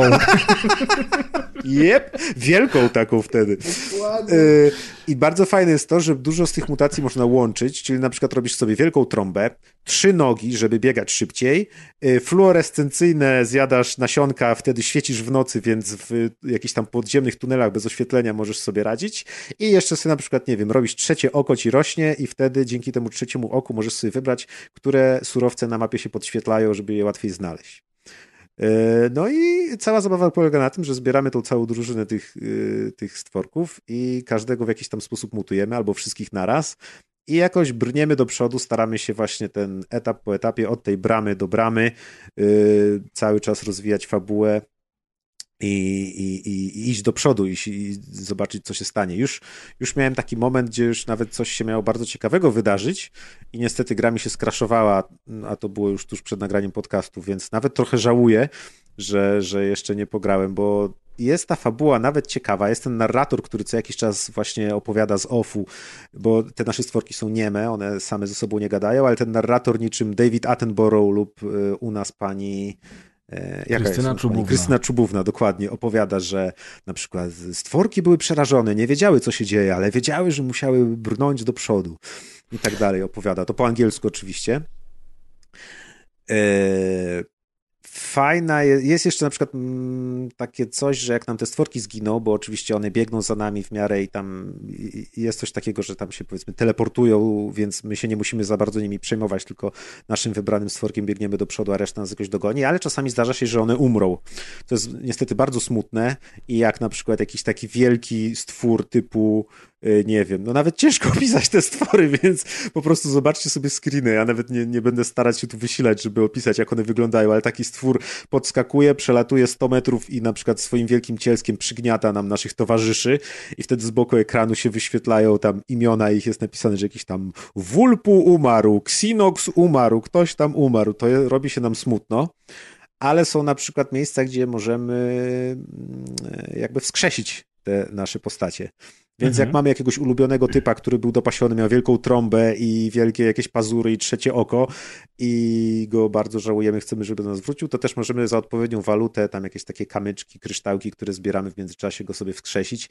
Możemy też te stwory jakby przechowywać w chmurze na później, czyli jakby deponować w tym punkcie jakiegoś stworka, żeby on sobie tam bezpiecznie czekał i możemy go w jakimś innym miejscu odzyskać i tak dalej.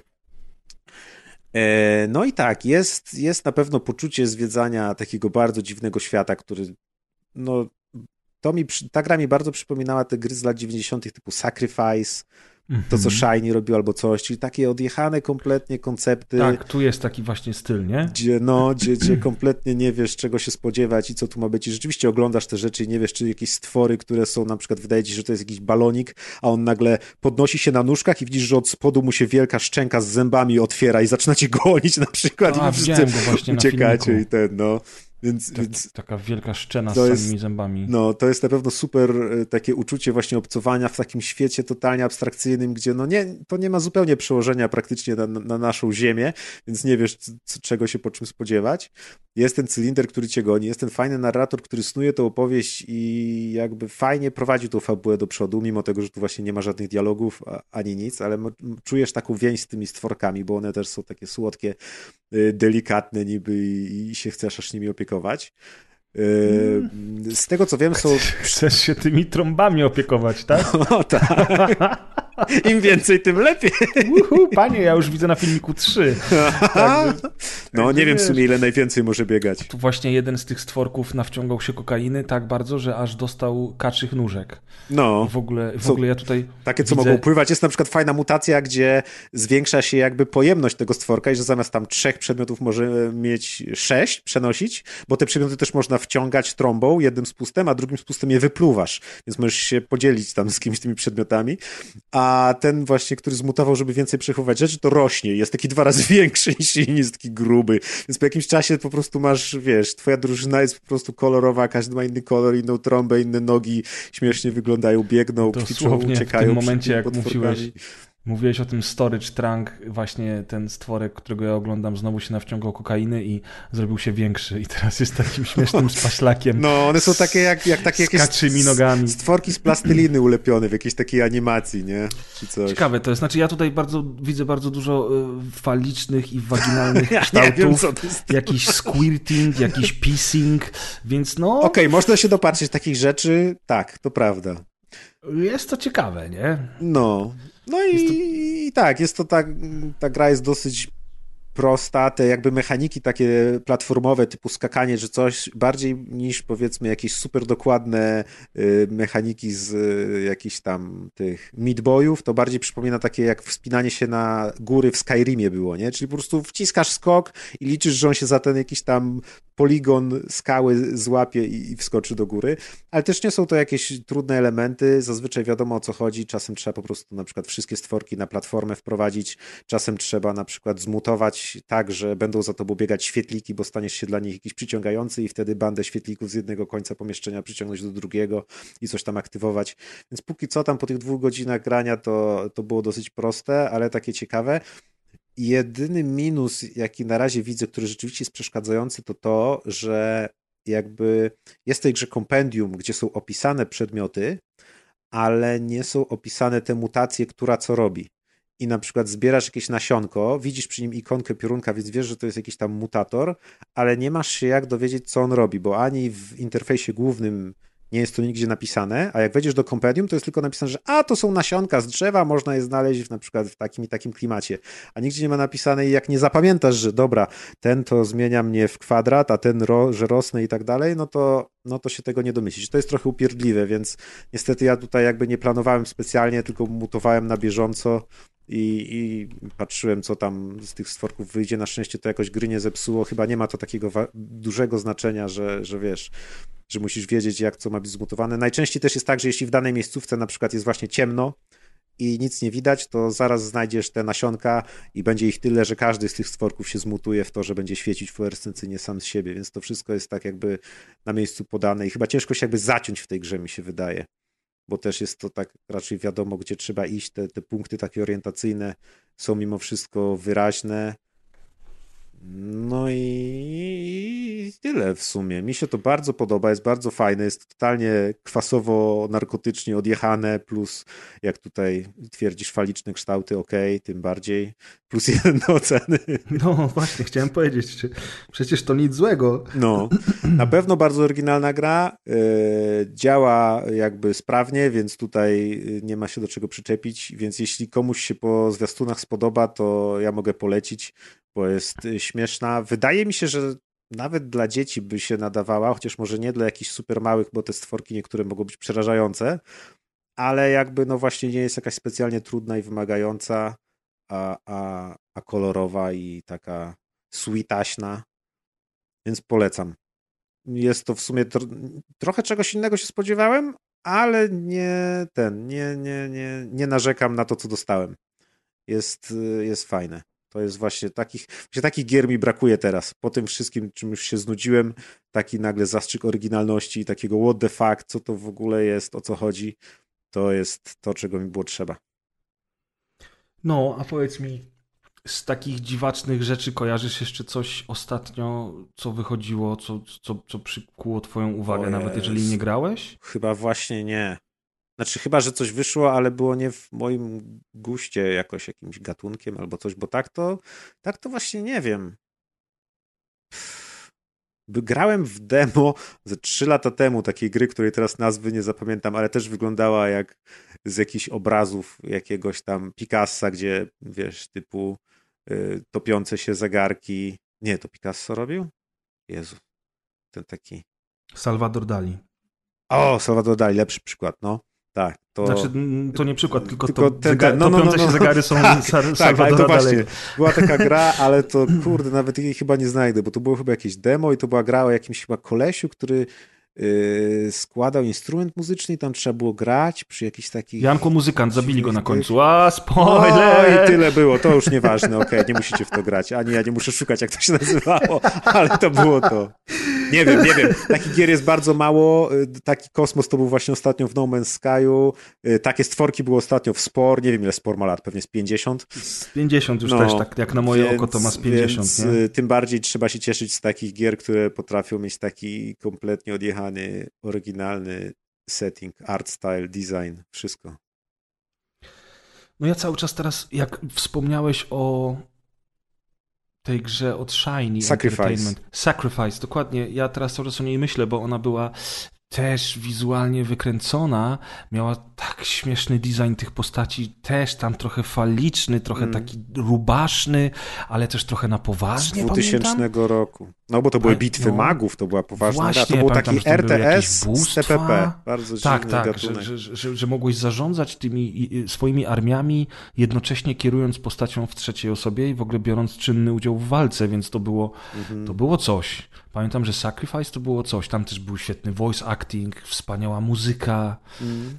To wygląda Póki- bardzo podobnie. Wydaje mi się, że na pewno słyszeli o Sacrifice albo bo to jednak taki właśnie, to jest ten typ podejścia do fantastyki taki kompletnie odjechany właśnie, nie taka fantastyka typu elfy i skrzaty albo coś, tylko naprawdę zróbmy coś kompletnie niewyobrażalnego. No i tak nawet jak opowiadasz o tych wszystkich swoich y, perypetiach z tą grą, mimo tego, że grałeś y, niewiele, to już chcesz zagrać więcej i bardzo dużo rzeczy widziałeś w trakcie tych paru godzin, to, to jest miłe zaskoczenie, bo po pierwsze to oznacza, że gra jest całkiem rozbudowana, a po drugie dobrze słyszeć, że jakaś gra ci się znowu podoba, ty Jej. jebany marudo. Musi być dobra gra po prostu, no. No, na to wychodzi, na to wychodzi, także Eternal Cylinder był od Maćka, a teraz Maciek wpisuje w rozpisce, że ja opowiadam o, no Maciek szybko, bo to tak 0, wiesz, 0, a nie, przepraszam, 0, 1, 01, 09, 0, 9 i... 10. Świetnie. Wpisz 10. Dobra. Deathloop! Grałem w Deathloop. Już dawno temu w niego grałem, ale niestety nie miałem okazji wcześniej wam o tym opowiedzieć. Bo nie przychodzisz na nagrania, w ogóle olewasz wszystko. Tak, taki ze mnie kolega właśnie. No właśnie. Wiem. Do tego Adek nie przyszedł dzisiaj. Generalnie rzecz biorąc, generalnie rzecz biorąc, e, sprawa ma się następująco. Ja uwielbiam gry tego studia. Arx Fatalis było świetne. Oni też maczali palce przy Dark Messiah of Might and Magic, które było świetne. Kocham Dishonored, Dishonored 2, Dishonored Death of the Outsider. Bardzo lubię również nową wersję Prey, którą również stworzyło to studio Arcane Studios. O, nim, o nich mowa. I teraz stworzyli oni Deathloop, który spotkał się z bardzo ciepłym przyjęciem, dostał bardzo wysokie oceny i ja zupełnie nie rozumiem dlaczego. O, I chociaż bardzo, ale to bardzo chciałem się polubić z tą grą, to niestety zawiodłem się na maksa i uważam, że po pierwsze to jest po prostu kalka Dishonored, czy też nakładka na Dishonored, bo to widać i w designie, w wyglądzie lokacji, ale też w samej, e, w samej rozgrywce, chociażby w czarach, których się używa, z których połowa jest wzięta po prostu żywcem z Dishonored, a jednocześnie ktoś wziął te wszystkie mechaniki, które w Dishonored były, sztuczną inteligencję przeciwników, e, rozbudowany design i wiele możliwości przejścia każdej misji i wszystko to uprościł. Sprowadzając całość do czterech lokacji, które przemierzamy w kółko w, cztery, w czterech porach dnia. Mamy poranek, południe, popołudnie i wieczór. I wszystko zrobione w takim stylu dnia świstaka, bardzo mocno kojarzące się z rogalikiem, chociaż to nie jest do końca rogalik. I pchane do przodu niby ciekawą fabułą, bo na przykład postaci, główny bohater, pani, która będzie próbowała go powstrzymać, e, to jak są oni zagrani i napisani, są bardzo dobre. I początek obiecuje naprawdę ciekawą przygodę w tym dniu świstaka, w którym każdego ranka rozpoczynamy ten sam dzień, tylko uczymy się za każdym razem nowych faktów, które pozwalają nam na to, żeby pchnąć fabułę do przodu. Tylko, że tak z jednej strony to gra w ogóle prowadzi nas za rączkę. Mm, Zazwyczaj jest tylko jeden sposób na podejście do problemu. Przeciwnicy są tak głupi, kurwa, że można do nich podejść na pół metra pod kątem 90 stopni, po prostu od boku i oni nie zareagują. No bo nie Teraz mają wzroku orła. Człowiek widzi Ty- ty- tylko wstążku przed sobą kawałek. Tak, wiesz, po prostu, po prostu po tym, co się działo w Dishonored, jak ja zobaczyłem Deathloop, to stwierdziłem, że ktoś zrobił grę dla tego twojego kuzyna, co na święta przyjeżdża, bo, Co odwal się od mojego kuzyna w ogóle? bo ja nie rozumiem, ja nie rozumiem, jak można było wziąć te wszystkie wspaniałe mechaniki e, z Dishonored i tak bardzo je Ale zubożyć. z tego, co słyszałem o tej grze, to y, właśnie tam nie chodzi o to, znaczy ci, ci, ci głupi, ci przeciwnicy jakby byli mądrzy, to podobno by tą grę zepsuli bo to nie chodzi o walkę z przeciwnikami. Oni tam nie są po to, żeby ci bardzo przeszkadzać, tylko w tej grze właśnie o coś innego chodzi i dlatego ci przeciwnicy są tacy głupi, żebyś się z nimi za bardzo nie męczył, tylko na czymś innym się skupił, bo Dishonored bardziej było właśnie o tej walce i omijaniu ich, a ta gra jest bardziej tam o czymś innym. To jest wymówka, Maćku. Aha, bo okej. bardzo dużo ludzi mówi, nie spodziewajcie się skradanki, to nie jest Dishonored. Ja mówię, okej, to dlaczego połowa mechanik w tej grze jest do skradania, ale powiedzmy, że powiedzmy, że wam uwierzę. No bo też E, słyszałem, że to jest fajne, że możesz jak chcesz, coś możesz skradać, jak chcesz strzelać, to możesz strzelać. Możesz sobie wybrać, jak lubisz grać. I gra Możesz. y, działa w obu wersjach. No i właśnie nie działa w żadnej, bo skradanie jest zbyt proste, a strzelanie. Nie, to nie jest hejt. Y, Strzelanie jest, strzelanie jest przede wszystkim kiepskie, a po drugie zbyt proste znowu. Jeżeli po pierwszych kilku godzinach gry. Na jakim poziomie trudności grałeś? Jest jeden poziom trudności, tam nie ma wyboru. Ajajaj, No właśnie. najgorzej.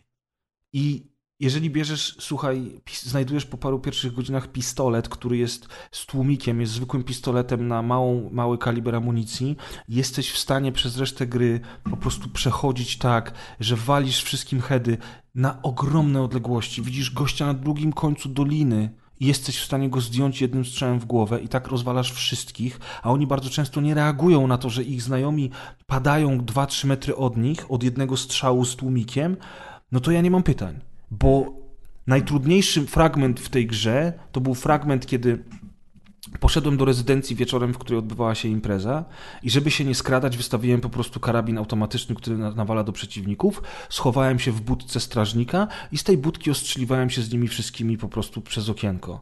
Z kilkudziesięcioma uczestnikami imprezy, którzy wszyscy wybiegali na mnie z tego domu i wbiegali prosto pod mój karabin automatyczny i pod mój shotgun. Rozumiesz?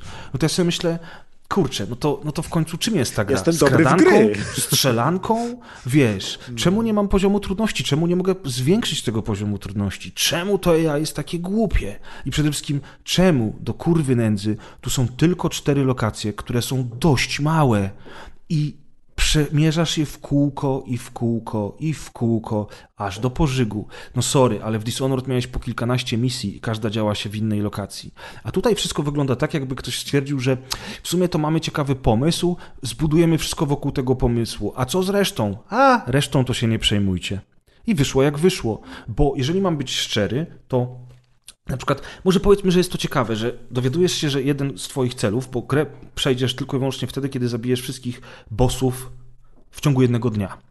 Musisz więc tak rozwiązać wszystkie pory dnia w ciągu jednego dnia, żeby wyeliminować wszystkich w ciągu 24 godzin. Więc na przykład fajnie by było, żeby dwie postaci były w tym samym miejscu, o tej samej porze, żebyś mógł je wyeliminować. No i do tego dążysz przez całą grę. Pierwszy problem jest taki, że jest tylko jedna ścieżka i jakby nie masz alternatywnych możliwości rozwiązania tej sprawy w inny sposób. Więc gra jest bardzo liniowa i bardzo prowadząca za rączkę. Oczywiście możesz w różne miejsca się dostać od dachu, przez okno, przez piwnicę, znaleźć dziurę w murze, bla bla bla. Jasne, że tak. W końcu to jest kalka z Dishonored, więc ta konstrukcja etapów pozostaje niezmienna. Natomiast jakby fan płynący z odkrywania tej fabuły jest z każdą kolejną godziną coraz mniejszy, bo ta fabuła w sumie nie jest interesująca. Większość rzeczy, które robisz, odkrywasz w postaci notatek i audiologów. I przysięgam ci, że na przykład cały dzień spędzasz na tym, że rano idziesz do portu, tam podnosisz notatkę, która ci mówi o tym, że po południu musisz iść tam, w inne miejsce. Po południu idziesz w inne miejsce, znajdujesz audiologa, którego musisz przesłuchać, który ci mówi, że musisz iść wieczorem w jeszcze inne miejsce. No to ty wieczorem w jeszcze inne miejsce idziesz, tam jest komputer, otwierasz notatkę w komputerze, czytasz ją i dowiadujesz się, że rano powinieneś był iść w tamto miejsce, jednak inne, bo tam coś tam, coś tam. I na tym polega ta gra. I ja nie rozumiem absolutnie pochwał, które ona zbiera, bo to fabularnie nawet nie jest tak interesujące. Większość informacji sprzedają ci notatki. Bardzo szybko kończy się ta taka fabularna narracja między tobą, tą bohaterką, która próbuje cię za każdym razem powstrzymać. Są między nimi fajne dialogi z każdym kolejnym dniem, który rozpoczynasz, ale poza tym to niewiele. Plus na przykład w ogóle ta laska powinna być największym zagrożeniem w tej grze. Ona się pojawia od czasu do czasu, zamyka wszystkie wyjścia z, te, z danej lokacji i poluje na ciebie. I te starcia są zapowiadane jako takie niesamowite wyzwanie, podczas którego ty będziesz walił w gacie. A tymczasem po pierwszym, drugim starciu tą laskę ja załatwiam po prostu dwoma strzałami. I w starciu z nią przez całe 15 godzin grania zginąłem chyba raz. no coś tu jest nie halo, ja nie jestem aż taki dobry w gry. Wystarczy, że dasz mi Dark Soulsy albo Sekiro.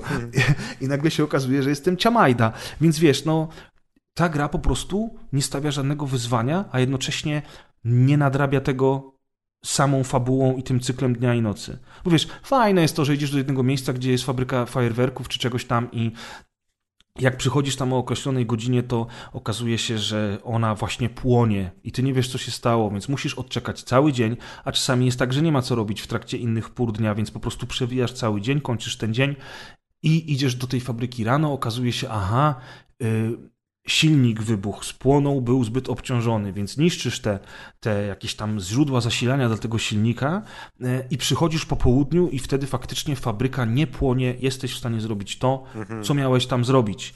I to jest niby spoko, tylko że tego typu zadań jest wbrew pozorom niewiele, bo większość tych zadań to jest naprawdę wyjdź rano na planszę, podnieś notatkę, wróć do bazy, idź po południu, zobacz co musisz zrobić dalej. To jest nudne, to jest po prostu nudne. A ostatnia rzecz to jest niestety przenoszenie tych wszystkich pukawek, e, e,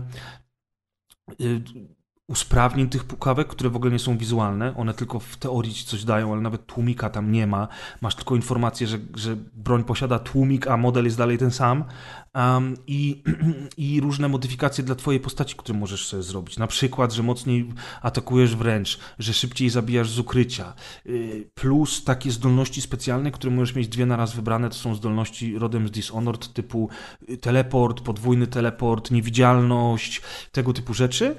I to wszystko z każdym kończącym się dniem musisz zapisać w swoim ekwipunku na stałe, jeżeli chcesz, żeby to zostało, a na to wydajesz taką walutę, którą podnosisz z magicznych przedmiotów, będąc na planszach. I to już jest taki typowy rogalikowy motyw, że jeżeli masz fajną broń i chcesz ją sobie zachować, to lepiej przed końcem dnia zbierz jak najwięcej waluty, żeby na końcu dnia, żebyś był w stanie zapłacić za to, żeby ta broń została u ciebie na stałe, czy na przykład jakaś modyfikacja dla twojej postaci, e, na przykład pozwalająca na to, że apteczki dają ci więcej zdrowia niż standardowe apteczki. Wiesz, i to jest. To mogło być fajne, ale nie jest. E, absolutnie nie jest. Ja się zmuszałem do tej gry w pewnym momencie już i grałem, i grałem, i grałem, bo chciałem uwierzyć w to, że pewnym momencie coś się zmieni i ja dostrzegę coś, czego nie dostrzegłem wcześniej, albo zacznę po prostu e, czerpać z niej przyjemność, tak jak w pewnym momencie zacząłem czerpać przyjemność z Back for Blood, bo okazało się, że im dalej w las, tym ciekawsze misje, tym więcej się dzieje i tym lepiej się bawię. A w Deathloop im dalej w las, tym gorzej się bawiłem. W związku z czym przykro mi bardzo, możecie mówić, że się nie znam na grach, whatever, whatever. To nie będzie nic nowego dla Grzegorza. Dokładnie. On to wie. Tym go nie skrzywdzicie. Dokładnie. Na grach się nie znam, prawa jazdy nie mam, na filmach też się nie znam. Okazuje się, że na kobietach to już w ogóle się kurwa nie znam. Aj, aj, aj. aj, aj, aj. Więc w ogóle wiesz, więc w ogóle... Yy... No przykro mi, ja Deathloop wam nie polecę. Nie polecę, jest to dla mnie największy zawód tego roku. O... Nieźle. Kontrowersyjna opinia. O, o, o, opinia. powinniśmy, powinniśmy kiedyś nagrać cały odcinek tylko i wyłącznie składający się z, z tych, z dżingli, które robimy. To by było po prostu Mama Maciek Ciepliński. Sam dżingiel, ja nie chcę. A jeszcze tyle rzeczy do omówienia dzisiaj. Nie no, tylko dwie rzeczy mamy do omówienia i jeden film, tak? Pokemony też omówimy, Zadeusza. Aha, no dobra, to na końcu pomówimy o Pokemonach. E, tak, no tak jak ostrzegałem, będziecie głównie słuchać moich recenzji dzisiaj, bo niestety Maciek się nie przygotował. Niestety Grzesiek grał w gry, no co No niestety, poradzić? przykro no, mi bardzo. No. Cały czas on jedyny nie chce odpuścić. Adek przestał grać. Kas, Deusz, ja. A ten cały czas gra w gry. Hej, gram w gry, opowiedzieć wam. I co dwa tygodnie podcast. Ja no. Co dwa tygodnie nie będziemy już nagrywać. My cię zgadamy z Psawłem. Musimy... Ty grasz w gry, on gra w gry, no idealnie do siebie pasujecie. może po prostu zróbmy już wreszcie Grzegorz Wojewoda podcast.pl i miejmy to z głowy, Chyba co? tak, tylko poczekamy aż tu domena się skończy, no bo już opłaciliśmy na rok, no to szkoda będzie nie używać, nie? No szkoda, serce, serce mi płacze Każdą moje. złotówkę trzeba wydusić do końca. Dokładnie. Dobra. No, ale ten... E, Deathloop, największy jakby- zawód roku. Trudno. Deathloop. Kontrowersyjnie, Tak rozgrywka jest. podcast 242, palindronowy odcinek. No, a teraz y, 3-4 Alan Wake Remastered. Alan Wake Remastered, czyli w sumie jeden z niewielu remasterów, na które czekałem. I to ciekawe, że dzisiaj mamy aż trzy remastery w ogóle klasycznych gier co najmniej przed dekady, dlatego że też spokojnie możesz dzisiaj wyjść w stroju Robina Williamsa z Jumanji i powiedzieć po prostu What year is it? Bo faktycznie te gry wracają do nas lawinowo, co innego gry z Goga w stylu Blood Omen i Severance, które po prostu są wznowieniami. I to są E, stare gry. I to są stare gry. A te gry to nie są stare gry sprzed 10 lat, umówmy się, my dopiero co Tak. w nie graliśmy. No, no, no, no, a to już w ogóle inna sprawa, tak, że to rzeczywiście, że, że takie 10 lat temu to nie było tak dawno temu i te gry tak naprawdę się wcale tak bardzo nie postarzały. Okej, Diablo 2, o którym dzisiaj też będzie mowa, postarzało się drastycznie i to widać, ale ja też przygotowałem te remastery w odpowiedniej kolejności dzisiaj, specjalnie dla ciebie Maćku, mm, żeby zacząć od, najsłaj- na, na, od najsłabszego i przejść do tego średniego i do tego najlepszego. No i Alan Wake jest tym takim średnim remasterem, dlatego że uważam, że Crysis Trilogy Remastered mm, to nie jest. Okej, przy jedynce oni dużo pracowali, ale jak wiecie, były z, z tym remasterem duże problemy. Dwójka i trójka nie są dla mnie remasterami, poza tym, że mają HDR 4K i 60 klatek, bo teraz jak się czyta o tych remasterach, to wszyscy wymieniają jako główną zaletę remastera rozdzielczość 4K i 60 klatek no to, to, jest, to jest po prostu port, który działa na nowej wersji konsoli. A wersja PC miała to już dawno temu. A wersja PC to miała Cały to tak naprawdę to. dawno temu, wiesz, dokładnie. Więc jakby w ogóle to jest takie mark marketingowo-PR-owe pierdolenie, twoje ulubione zresztą, Maćku. No, ale jakby zastanawiam się też z drugiej strony, czy w sumie my potrzebujemy tych remasterów, bo y, remake'i, wiadomo, remake'i są super. Remake Gears of War Ultimate był super. Były remake'i, które naprawdę dają radę. Fajnie, jak całą grę tworzy się od nowa. Ale remastery, jak widzicie, są dyskusyjne. No i właśnie ten Alan Wake jest takim dyskusyjnym remasterem. Powiem wam, jakie są zmiany, e, a potem zastanowimy się, czy ten remaster na przykład w ogóle był komukolwiek potrzebny. Alan Wake ma przede wszystkim podmienione modele postaci. One są usprawnione. I teraz na przykład główny bohater dużo bardziej przypomina aktora, który podkładał mu głos i który udzielał mu wizerunku od samego początku. To jest spoko. Wszystkie inne postaci też oczywiście mają nowe modele, ale poza tym jest niewiele zmian. E, Są, to znaczy, zmiany są na innej płaszczyźnie. Są na przykład przerywniki filmowe, które są wydłużone. Są nawiązania do tego uniwersum, które teraz Remedy tworzy, a o którym nie wiedziało wtedy, kiedy robiło Alana Wake'a. Sprytnie. Czyli wiesz, teraz już jak grasz w remastered, to znajdziesz gdzieś notatkę, plakat albo zobaczysz w telewizji rzeczy, które powiążą tę grę z kontrol i nie tylko. To jest spoko. E, ale jakby na przykład jak grasz w tę grę już i widzisz, no okej, jest HDR, w sumie to gra jest trochę jaśniejsza niż była w oryginale, co nie do końca mi się Właśnie, podoba. ta kolorystyka jest leciutko zmieniona. Czasem jest to mniej zielony obraz, czasem mniej niebieski. Jakoś tak widać, że coś właśnie robili z tymi kolorami.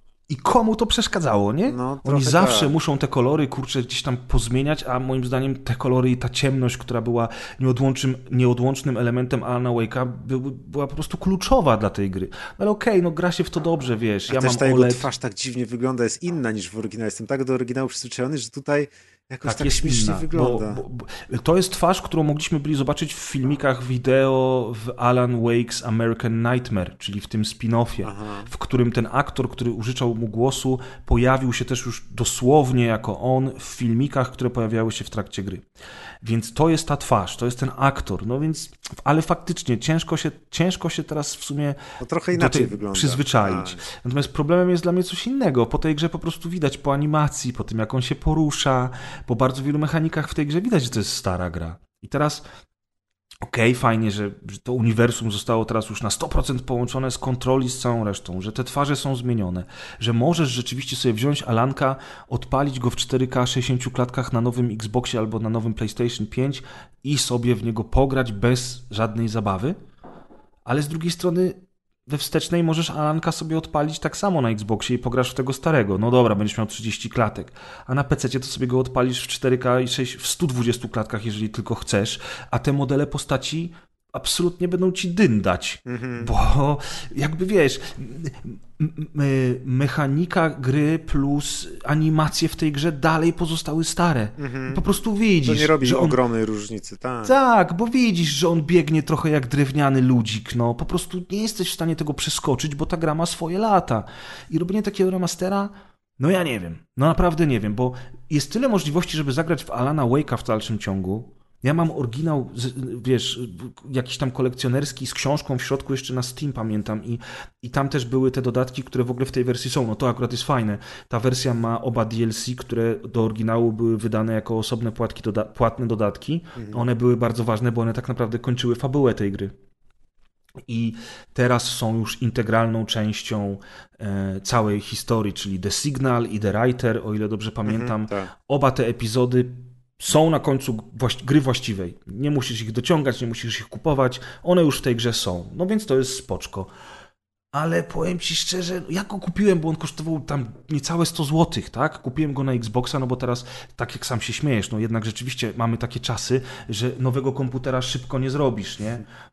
Nie, nie, zrobisz nowego komputera za szybko, bo po prostu... Yy nie stać cię na Ale to, nie ma kart graficznych. Te oryginalne tym... gry, które teraz wchodzą remastery, nie potrzebują nowego komputera. To też jest to, że każdy, kto ma teraz komputer, to uruchomi grę sprzed 10-15 lat. Tak, tak, ale mówię, że jakbyś na przykład sobie kupił na Epiku, bo to jest ekskluzyw PC-owy na Epika, kupiłbyś sobie Alana Wake'a w tej nowej wersji, to możesz mieć problem, żeby odpalić go w 4K, wiesz, 60 klatkach z HDR-em, jeżeli masz starszy komputer. A na konsolę, czy to będzie PS5 czy Xbox, jak już wiadomo, lepiej Xbox, ale mimo wszystko, to niezależnie od tego, na którą weźmiesz, to raz, że zapłacisz za samą konsolę 2000 zł, a potem, czyli mniej niż za kartę graficzną, a potem sobie kupujesz gierkę za 99 zł, no i faktycznie grasz se w tym 4K z HDR-em w 60 klatkach, a gra sama w sobie oczywiście dalej jest dobrą grą. Po prostu jest dobrą grą. Maciek, opowiedz coś o Alanie Wake'u, bo do mnie dzwoni dziadek, ja muszę do niego odzwonić, bo jest dosyć późno i nie wiem o co mu chodzi. A jest nas dwóch, więc nie mogę tak po prostu wstać i odejść, bo będzie zupełna, niezręczna cisza. Okay. Mów ludziom o Alanie Wake'u. No ja w Alana Wake'a grałem nie wiem ile lat temu, ze trzy czy cztery i go przyszedłem pierwszy raz w życiu, bo kiedyś wcześniej grałem, ale go nie skończyłem i wciąż mi się świetnie grało. E, do, tej, do, do tego takiego drewnianego poruszania się e, szło się szybko przyzwyczaić, a klimat jednak, ja uwielbiam w ogóle ten klimat właśnie takiej północnych Stanów Zjednoczonych czy Kanady, te wszystkie góry z tymi drzewami i w ogóle te, te, te małe miasteczka jak z jakiegoś przystanku Alaska albo coś i takie klimaty właśnie biegania po lesie niczym w archiwum Mix też tak było, takie podobne właśnie klimaty, więc och, to ja uwielbiam. Tak samo zresztą jak właśnie opowiadania Kinga, czy, czy, czy potem ekranizacja jego książek też są na, umiejscowione jakby w takich, w takich miejscówkach, więc to ten klimat mi się mega podoba, więc on w Alanie to, to mega robiło wrażenie i też niewiele jest gier, które kojarzę, które się dzieją w takich miejscówkach, więc to jest niezaprzeczalny plus tego i mi się właśnie, o, no to jest jak, jak właśnie, jak, jak Stephen King The Game, wybrane wszystkie najlepsze motywy Nawet się zaczyna horrorów. od cytatu z Kinga, nie? On no. Alan Wake mówi, że Stephen King kiedyś napisał i coś tam mówi, mm. prawda? Ja już w ogóle wróciłem, dziękuję ci pięknie, oczywiście mów dalej, tylko chciałem wszystkim powiedzieć, że z dziadkiem wszystko jest w porządku, nic złego się nie stało, i dziękuję. Całe Marku, szczęście. Może, może ten psychicznie usłyszał, że rozmawiamy o Kingu i Alanie Wake'u i chciał, wiesz, pogratulować ci, że, że grałeś w remaster. Tak, mówi, nie, jednak fajnie, że kupiłeś ten telewizor, nie? To, jest, to był dobry... A, bo on też, mogę... też z niego korzysta, bo jak wyglądał się przez okno, to widzi to go tam.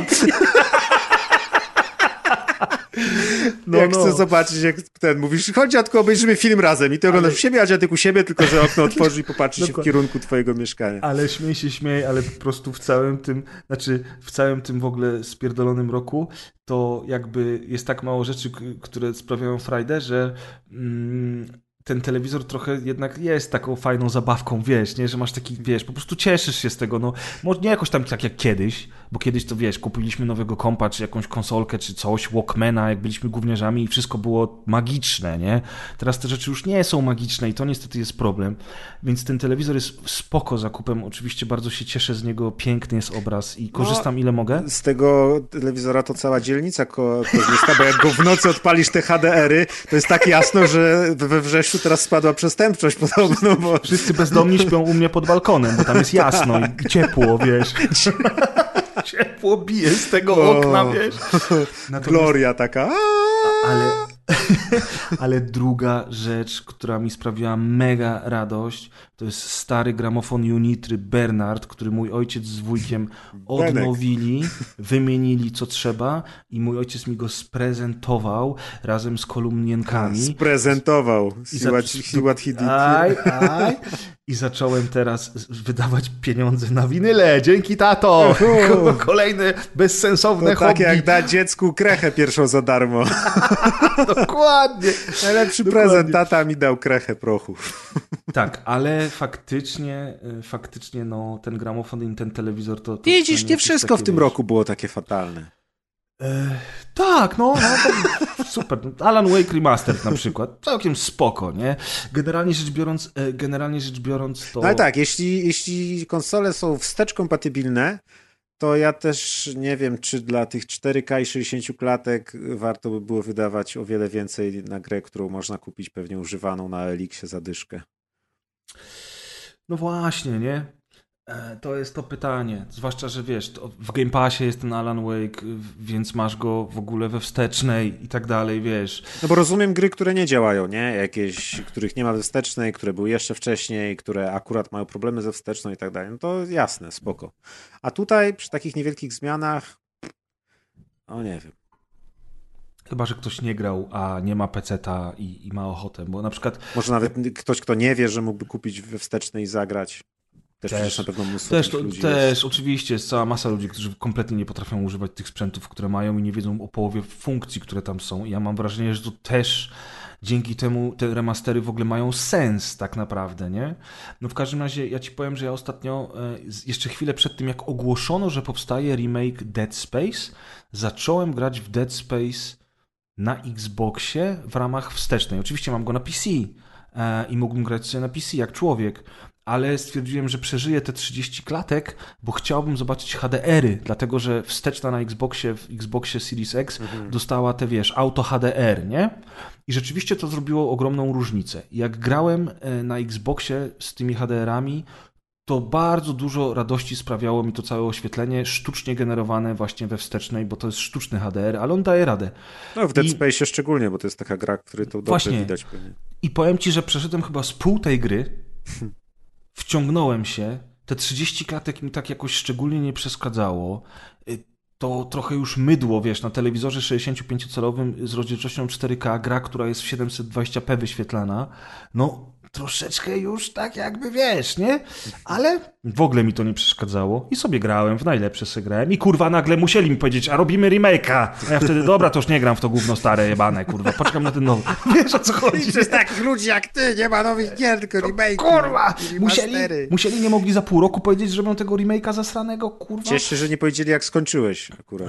I jeszcze o, byś dokładnie. skończył dwójkę i trójkę i byś powiedział, ale se zagrają w trylogię, teraz już nie muszę grać przez 20 lat. A Dzięki za remake jedynki. No, dzięki za nic EA, dzięki za nic, kurwa. Także tak, no ale faktycznie to jest, to jest jak zwykle to jest kwestia tego, czy masz ochotę zapłacić za to, żeby pograć w trochę lepszej jakości i nie bawić się chociażby z modowaniem. I dlatego teraz Maciek szybko wpisuj, e, bo przejdziemy już do gry kolejnej. Chyba, że chciałeś jeszcze coś o Alanie powiedzieć, albo o Analu. Y, co? Nie, kolejna gra. Jeden, Dobry. 36. Yy, Jesteś gotowy? 40, no. Jesteś gotowy? Tak. Okej. Okay. Czekaj, czekaj. Diablo 2 Resurrected. O. Czyli, czyli Diablo 2 y, Remastered tak naprawdę. Tutaj ładna gra słów Resurrected. Wszystkich, e, wszystkich, którzy teraz będą pisali w komentarzach, że jebać Blizzard Activision pro, prosi się, uprasza Cześć, Adek. Zamknięcie mordy, bo mi się podoba. Jebać a poza, Blizzard. A poza tym, a poza tym to robiło inne studio i robiło to od dawien dawna. Ale i tak jebać Blizzard. To nie Ja jestem, na takim, ja jestem na takim etapie w moim życiu, że I really don't give a fuck. Wiesz, dzisiaj na przykład, dzisiaj na przykład wszyscy kłócą się w polskim internecie o to, że y, znaczy biali ludzie piszą innym białym ludziom, że białe media y, niszczą Kaniego Westa tak jak kiedyś niszczyły Michaela Jacksona. A ja znowu stoję i mówię, oddajcie krew dla preza, tę ofiarę dzisiaj, jak będziecie się mordować w internecie, to dajcie mi ją Błyskawice walą z nieba, a ja mam w to wyjebane. Ja wiem, ja wiem, co się działo. Ja nie mam wyjebane w ludzką krzywdę. Ale nie dyskutujmy, kurwa, po raz kolejny na tym, na tym podcaście o tym, czy Blizzard i Activision jest dobre, czy jest złe. Wszystkie korporacje są zjebane, kurwa. A jak Amazon Prime wyskoczył z opcją 49 zł za rok, to kurwa pół Polski kupiło, nie? Ale kurwa, Amazon jest chujowy, a ten Bezos to wszystkich okrada, ludzie cierpią. O kurwa, 49 za rok, bierę. Dziękuję, panie Bezos, dobry Dokładnie, Bezos. dziękuję panie Bezos. Więc jakby nie chcę mi się już nad tym zastanawiać. Naprawdę, jestem już zmęczony i mam to w dupie. Szkoda żyć.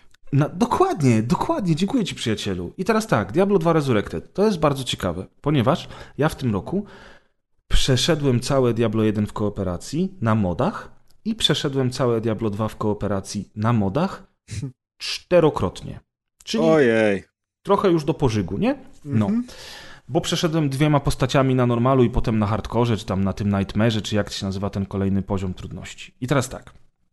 Diablo 1 to jest jebane arcydzieło. I mimo upływu tych wszystkich lat, z modem, który oczywiście poprawił grafikę, który dodał wiele usprawnień i rozwiązań z dwójki, urozmaicił grę, ale też ją niesamowicie podkręcił, jeżeli chodzi o poziom trudności, bawiłem się fenomenalnie. Ja po prostu wsiąkłem w jedynkę i nie mogłem uwierzyć, że, że ta gra dalej daje tak dużo radości. I po tym, jak, jak prawie byśmy jej nie ukończyli, bo Diablo na końcu na tych modach się okazał tak niesamowicie trudny, że walczyliśmy z nim dwa wieczory pod rząd we trzech. I dopiero przy drugiego dnia, przy entym podejściu, kiedy byliśmy już zrezygnowani i chcieliśmy dać sobie spokój, udało nam się go pokonać. Tylko, że te mody są robione dla, wiesz, dla psychofanów, nie? Dla ludzi, którzy od 20 lat tylko w tę grę grają i jakby ja rozumiem, czemu, czemu one musiały być y, nieco utrudnione. No i oczywiście po jedynce y, przeszliśmy płynnie do dwójeczki, dołączyło do nas więcej osób. E, I graliśmy sobie tam na Battle.necie e, pięknie w dwójeczkę. Też nie na Battle.necie, przepraszam. Graliśmy przez Hamachi, bo ten mod, y, jakby wiesz, on poprawia grafikę. Przez lokalną tą Tak, sieć, tak. e, on poprawia grafikę, ale jakby mody nie są dozwolone na Battle.necie, nie? A Mhm. szkoda mi konta, wiesz, żeby stracić wszystkie gry, które mam na koncie A, Blizzarda. jebać twoje konto. No, w sumie to jebać Blizzarda też. No, w każdym razie, w każdym razie mm, w ogóle ja nie pamiętałem dobrze dwójki, bo ja w dwójkę grałem, e, jak ona wyszła na premierę, owszem, ale chyba niewiele. I jakby większość rzeczy w ogóle z tej gry wypadła mi z pamięci. Ja nie miałem też jakichś super z nią wspomnień. Ja pamiętam, że przed premierą dwójki było lato, ja byłem we wielu e, na domku właśnie, który mój dziadek z babcią mają i, e, i tam z kolegami, w tym to był chyba 2000 rok, jak wyszło Diablo 2, ono wychodziło na jesieni, a myśmy latem spędzali całe dnie na bilardzie i na dyskusji o tym, jakie zajebiste będzie Diablo 2, tam będzie można grać w ogóle ty, czarodziejką, nie? I wiesz, no i, tak nam upłynęło to lato. Nigdy tego nie zapomnę.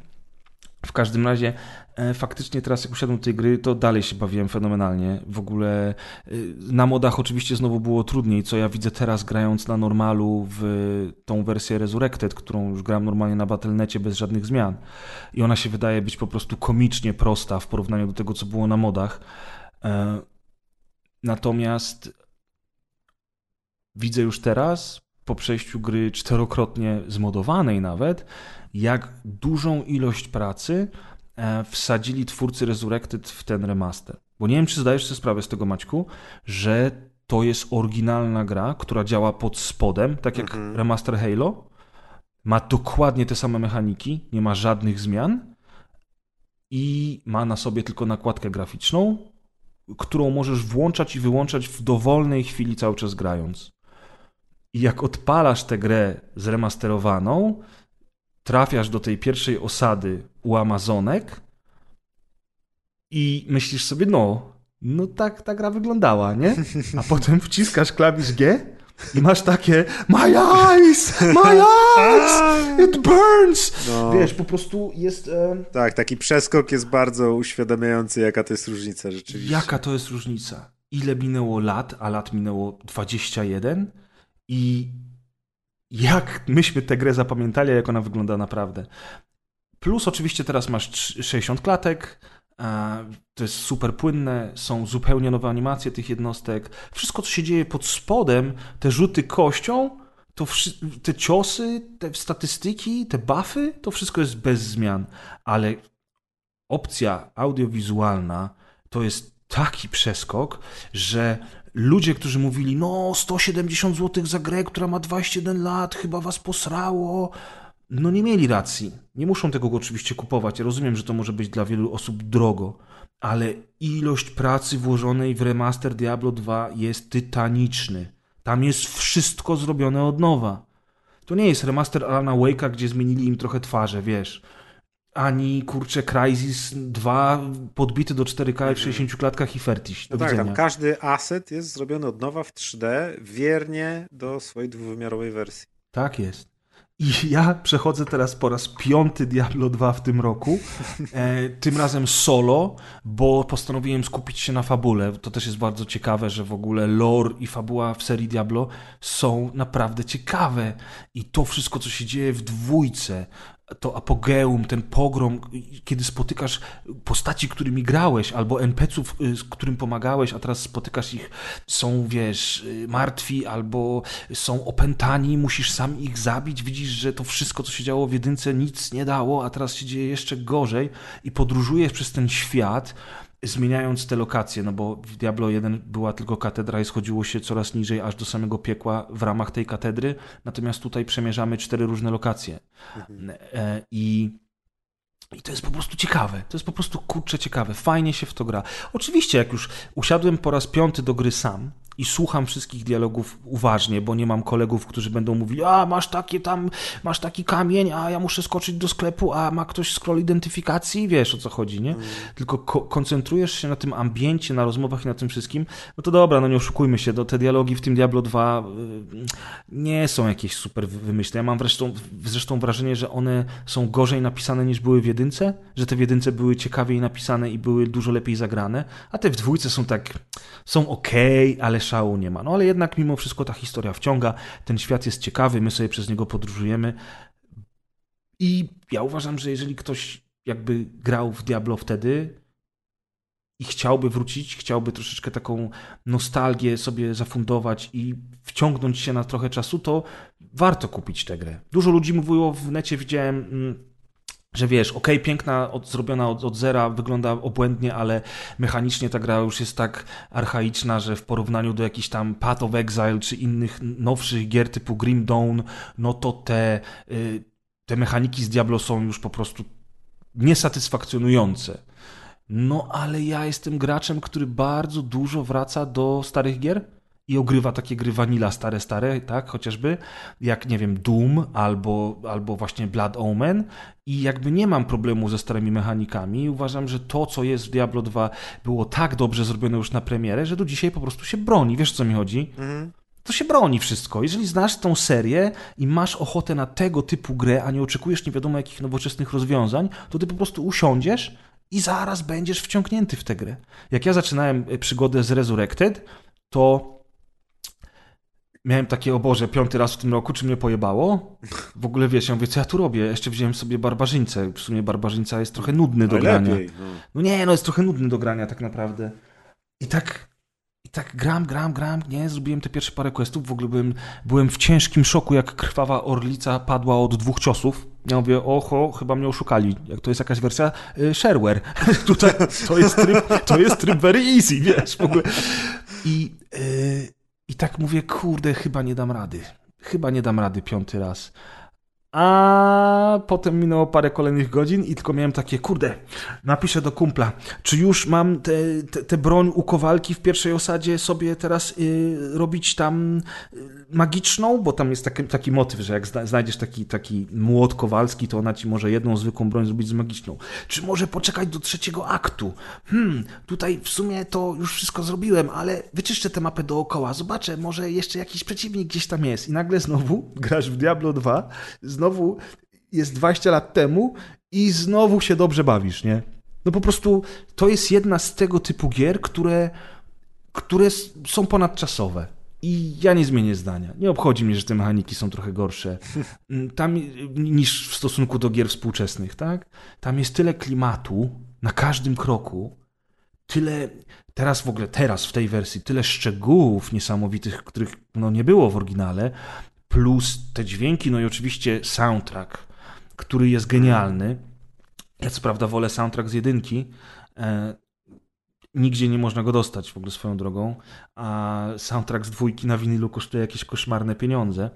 Na Tak, winylu, pro- o, no, no, tak sobie myślałem, wiesz, żebym no. sobie kupił właśnie winyl, no bo już teraz słucha, słuchałem bardzo dużo tej muzyki grając, więc cały czas ona mi siedzi w głowie, ale tak, mimo tego, że jedynka miała lepszy soundtrack, to dwójka ten soundtrack ma tak na wysokim poziomie, że, że po prostu mega się tego słucha i to jest dalej fan, fan, fan. Nie, Activision Blizzard nie zapłaciło mi 2,5 tysiąca złotych za te recenzje. Zapłaciło pięć.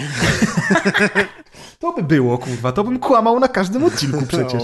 Człowieku. No ale niestety, y, niestety jesteśmy zbyt cięcy w uszach, żeby dostawać łapówki, ale... Ale tak, ja się dobrze bawiłem i powiem Ci jeszcze, że w międzyczasie, gdzieś tam na początku tego roku, była promocja na Diablo 3 na Xboxie. No i uznałem, że w sumie na konsoli we dwie osoby można pograć na jednej kanapie, a chętnie sobie z, bra- z bratem do Chętnie tej zagram gry wrócę. siódmy raz w tą samą grę. Tak, tak, dokładnie. No to znasz mnie, no, nie od dzisiaj. I generalnie rzecz biorąc, y, zaczęliśmy grać w tę grę. On grał barbarzyńcą, ja grałem nekromantą. Nekromanta jest postacią płatną, więc on jest od razu OP na samym starcie. Yy, I kurde, trójka jest porażką. Nie? Ona jest porażką. Ja miałem w nią kilkadziesiąt godzin wbite na PC, odpuściłem sobie ją po jakimś czasie, wróciłem właśnie w wersji na konsolę i wiesz, to jest spoko, że możesz z bratem zagrać na dwa pady yy, i posiedzieć trochę na kanapie, ale człowieku, to jest samograj. Ta gra jest tak zrobiona, że ty po prostu idziesz i trzymasz jeden przycisk, a te postacie robią wszystko same.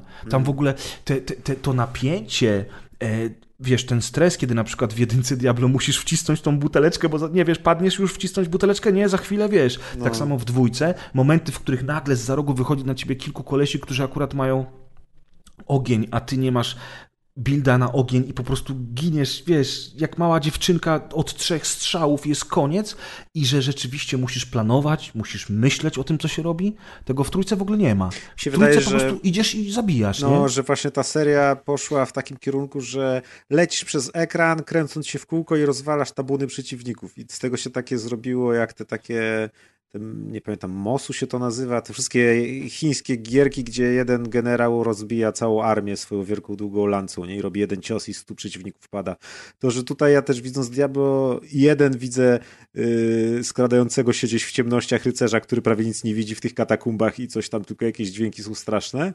A w Diablo 3 widzę po prostu wirującą kupę flaków i krwi na ekranie, gdzie po prostu przelatujesz jak tornado i rozwalasz Tak. tylko i patrzysz na te tylko tam liczniki, które ci pokazują, wiesz, brutality, 70 zabójstw, haha, i błyski jakieś i ty lecisz, tak. Tak, To i jest słuchaj, kompletnie co innego. I, I to jest tak w pewnym momencie nużące, że my z bratem siedzimy, wiesz, dosłownie, jakby możesz jedną ręką grać w tego Diablosa momentami i, i ten nekromanta idzie i po prostu wszystko wokół niego wybucha, nie?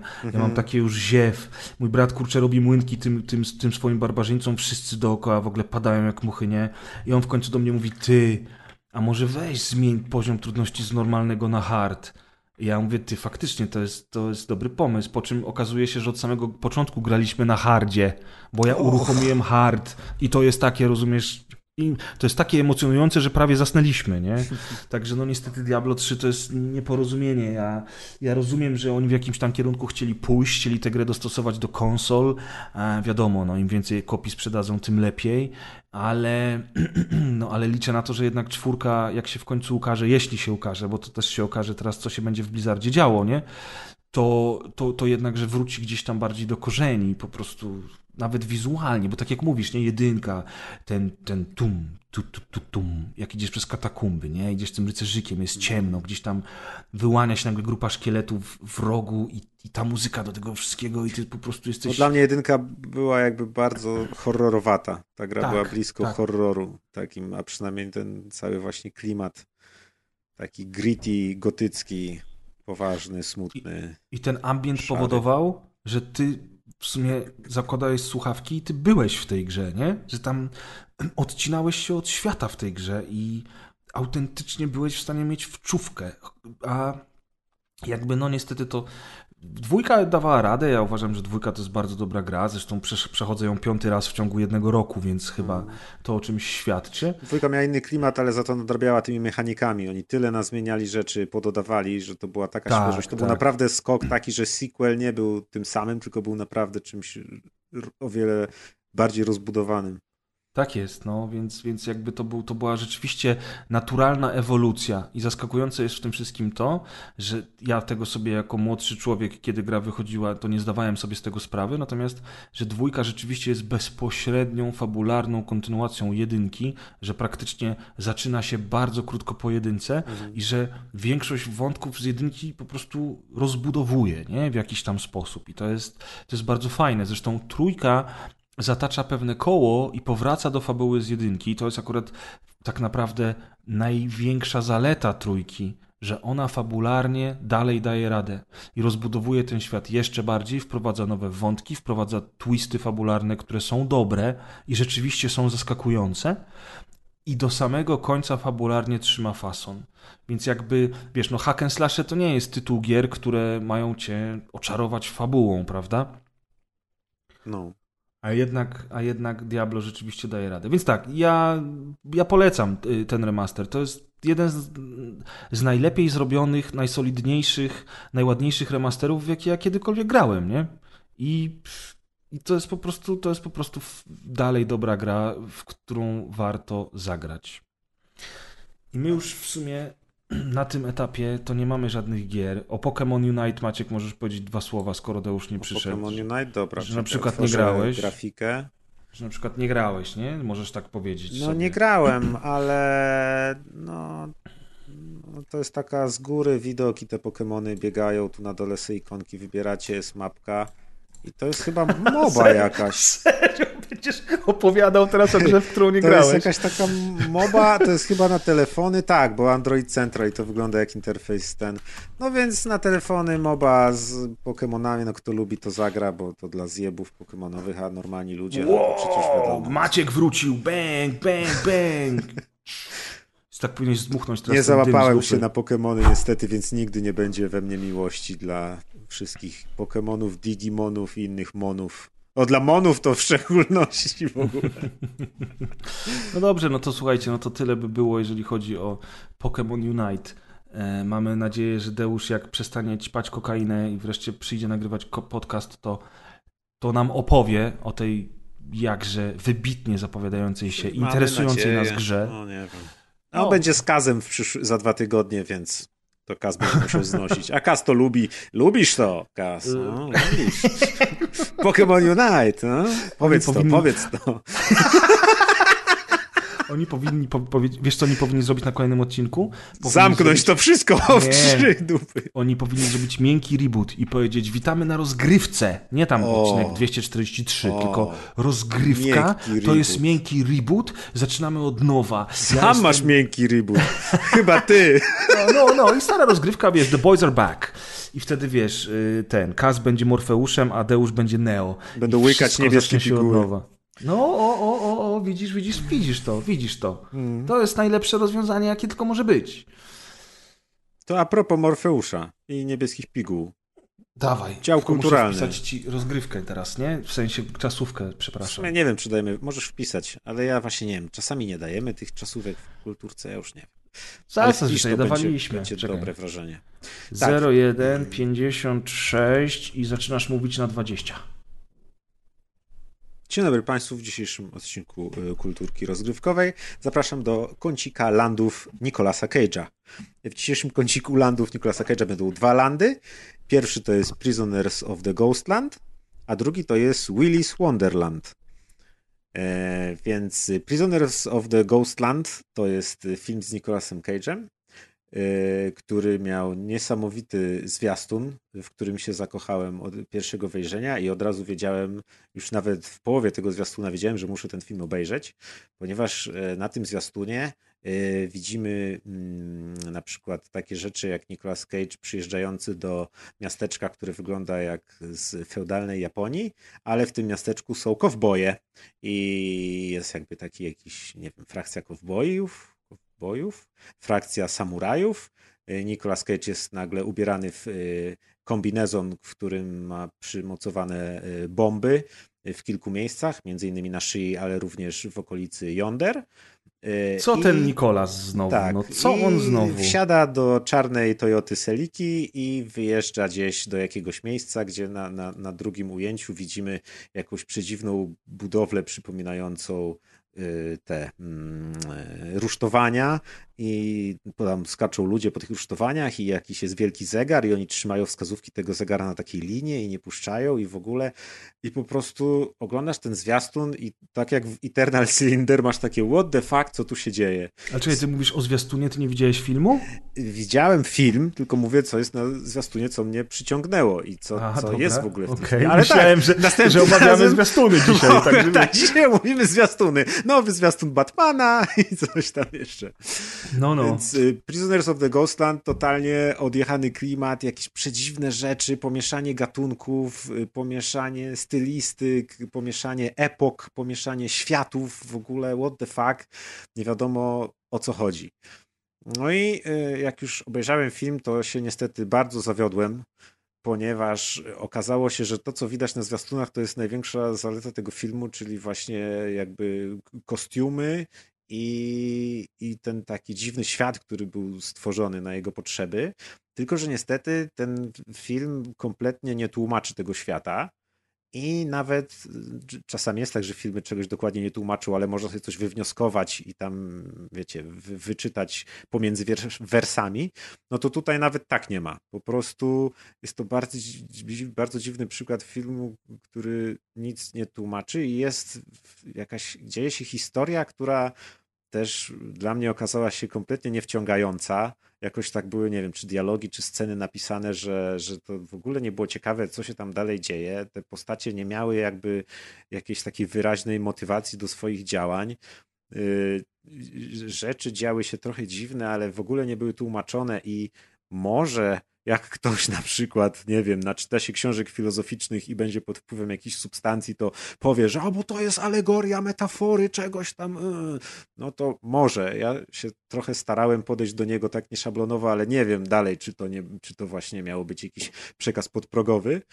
Bo, bo po zwiastunie, który przypominał mi motywy takie bardziej wizualne, ale takie rzeczy które widziałem w Mad Maxie, czasami w Wodnym Świecie z Kevinem Costnerem, albo w tych takich różnych dziwnych filmach od Terry'ego Gilliama, y, też takich fantastycznych, odjechanych, sennych, onirycznych, y, y, eklektycznych, mieszających wszystko.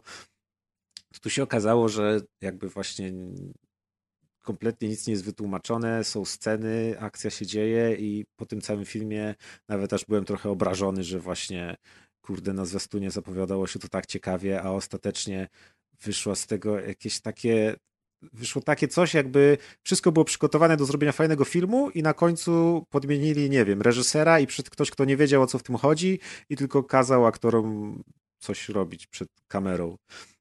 Y, ten film y, reżyserował japoński reżyser, który się nazywa Sion Sono Mhm. I on, to jest chyba jego pierwszy anglojęzyczny film, ale z tego co czytałem, to jest, wszyscy fani tego reżysera mówią, że to jest akurat jego najgorszy film chyba, jaki w ogóle zrobił i że jest okay. naprawdę słaby, a wszystkie inne jego filmy są podobno, całkiem sporo ich zrobił, są podobno bardzo dobre, też takie dosyć e, edgy, Y, nietypowe, też jakieś takie właśnie oniryczne, odjechane i tak dalej, więc na pewno coś tam sobie od niego innego obejrzę, bo, bo może się okazać, że to będzie właśnie takie coś dziwnego, co mi się spodoba, a tu niestety ten Prisoners of the Ghostland mimo bardzo ciekawego zwiastuna okazał się niestety wtopą kompletną.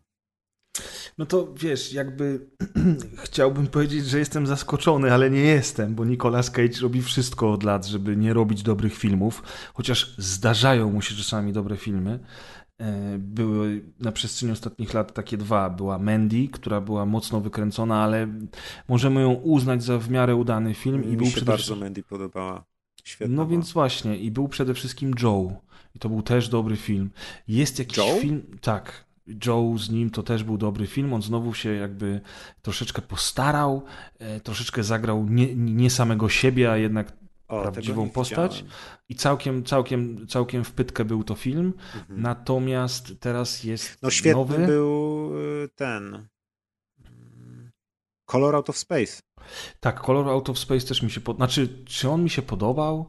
Ja miałem trochę mieszane uczucia, jeżeli mam być szczery, ale był wizualnie taki, był taki, mega. Taki body horror w stylu The Tak. Thing, czy tych właśnie body horrorów z lat 80. Tak, no i tak. przecież tam waliło Lovecraftem na prawo i lewo. No bo to filmu. jest Lovecraft. To A, jest no Lovecraft. tak, bo to jest ten... Kolor y, Z z, kosmosu, nie z tego świata, kol, czy tam właśnie jakoś tak, nie, nie pamiętam Color polskiego tytułu. Color Out of Space to jest opowiadanie Lovecrafta, które zresztą przeczytałem tam po raz kolejny, żeby sobie odświeżyć przed, e, przed właśnie filmem i to opowiadanie ma sens y, z racji tego, kiedy było napisane i w sumie pomysł jest całkiem niezły. Ten film na tym pomyśle bazuje, ale robi to trochę po swojemu i właśnie robi z tego trochę większy body horror i ostatecznie fabularnie on mnie do siebie nie przekonał, ale rzeczywiście wizualnie to było coś. No i Nicolas Cage tutaj, powiedzmy, że był tylko pół Nicolasem Cage'em. Wiesz jak to z nim, nie? On czasami robi full retard i No wtedy tak. jest Nicolasem Cage'em na 200%, nie? A mówili, never go full retard, wiesz. Natomiast on wie lepiej, a czasami widać, że jednak ma takiego reżysera, który jest w stanie go przypilnować. E, Był też zarąbisty film z nim, naprawdę, ja się świetnie z nim bawiłem z tym filmem, on nie był wybitny, ale duże zaskoczenie. To był film Rodzice, źli rodzice, jakoś tak. On tam grał i jeszcze taka babeczka grała, mm, aktorka, która grała między innymi, słuchaj, w tym, w Hellboyu.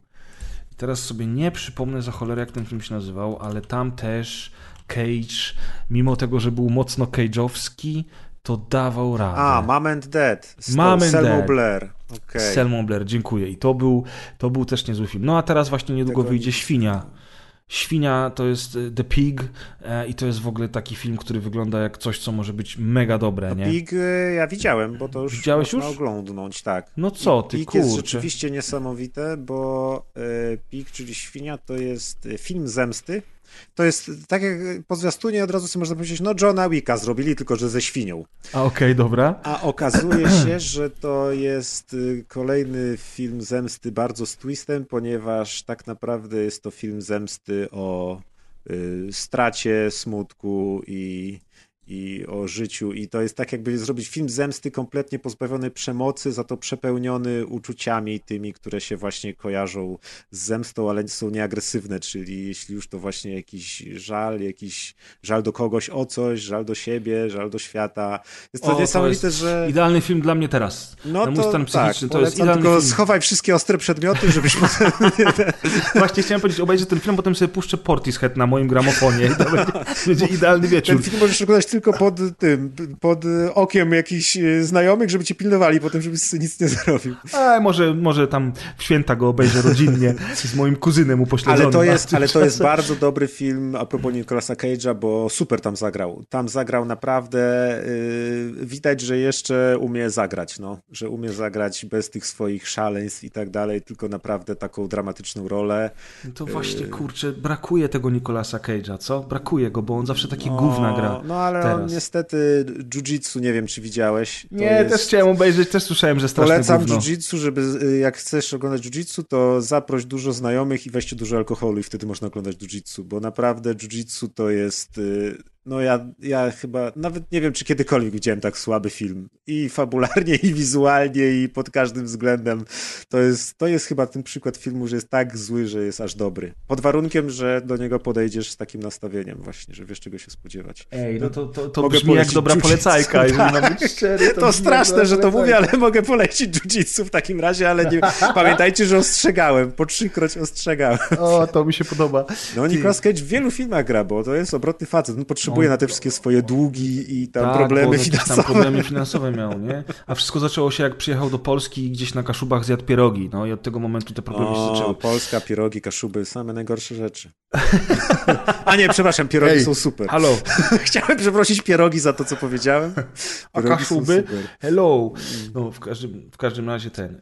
e, E, Prisoners of Ghostland w takim razie nie polecam za I bardzo. teraz będzie Willy's Wonderland, ale to ja ci powiem szczerze, że to ja już mam Tak jest. cztery filmy z Nicolasem Cage'em, bo jeszcze Jiu-Jitsu i jeszcze The Pig i wszystko to mam do nadrobienia. To No. bardzo dobry kącik jest, mój drogi Kącik przyjacielu. Nicolasa Cage'a. On tyle filmów Bardzo kręci, dobry. że możemy regularnie kącik zrobić. Dokładnie, Myślę, że on do kolejnego odcinka regularnie z nim coś wracać. nakręci. Tak, kącik Nicolasa Cage'a to jest coś, co zostanie z nami na dłużej. Willy's Wonderland, czyli y, po polsku to jest fajny tytuł, Niewesołe Miasteczko. Y, To jest film, który na zwiastunie wyglądał kompletnie, to jest przeciwieństwo Prisoners of Ghostland pod każdym względem, bo na zwiastunie kompletnie wyglądał nieciekawie. Od razu się kojarzy z tą grą Five Nights at Freddy's, Aha. czyli tymi horrorkami, które tam wśród dzieciaków są popularne o tych y, tam, jak to powiedz, powiedzieć, takich O tych takich mechanicznych pluszakach, pluszakach, tak, z tak, które są domu strachów czy horrorze. Tak, tak, właśnie, mechaniczne pluszaki. No i to jest dokładnie to samo. Dla osoby, która się nie zna na Five Nights at Freddy, tak jak ja, to wygląda jak ekranizacja tej gry prawdopodobnie, albo coś w tym stylu.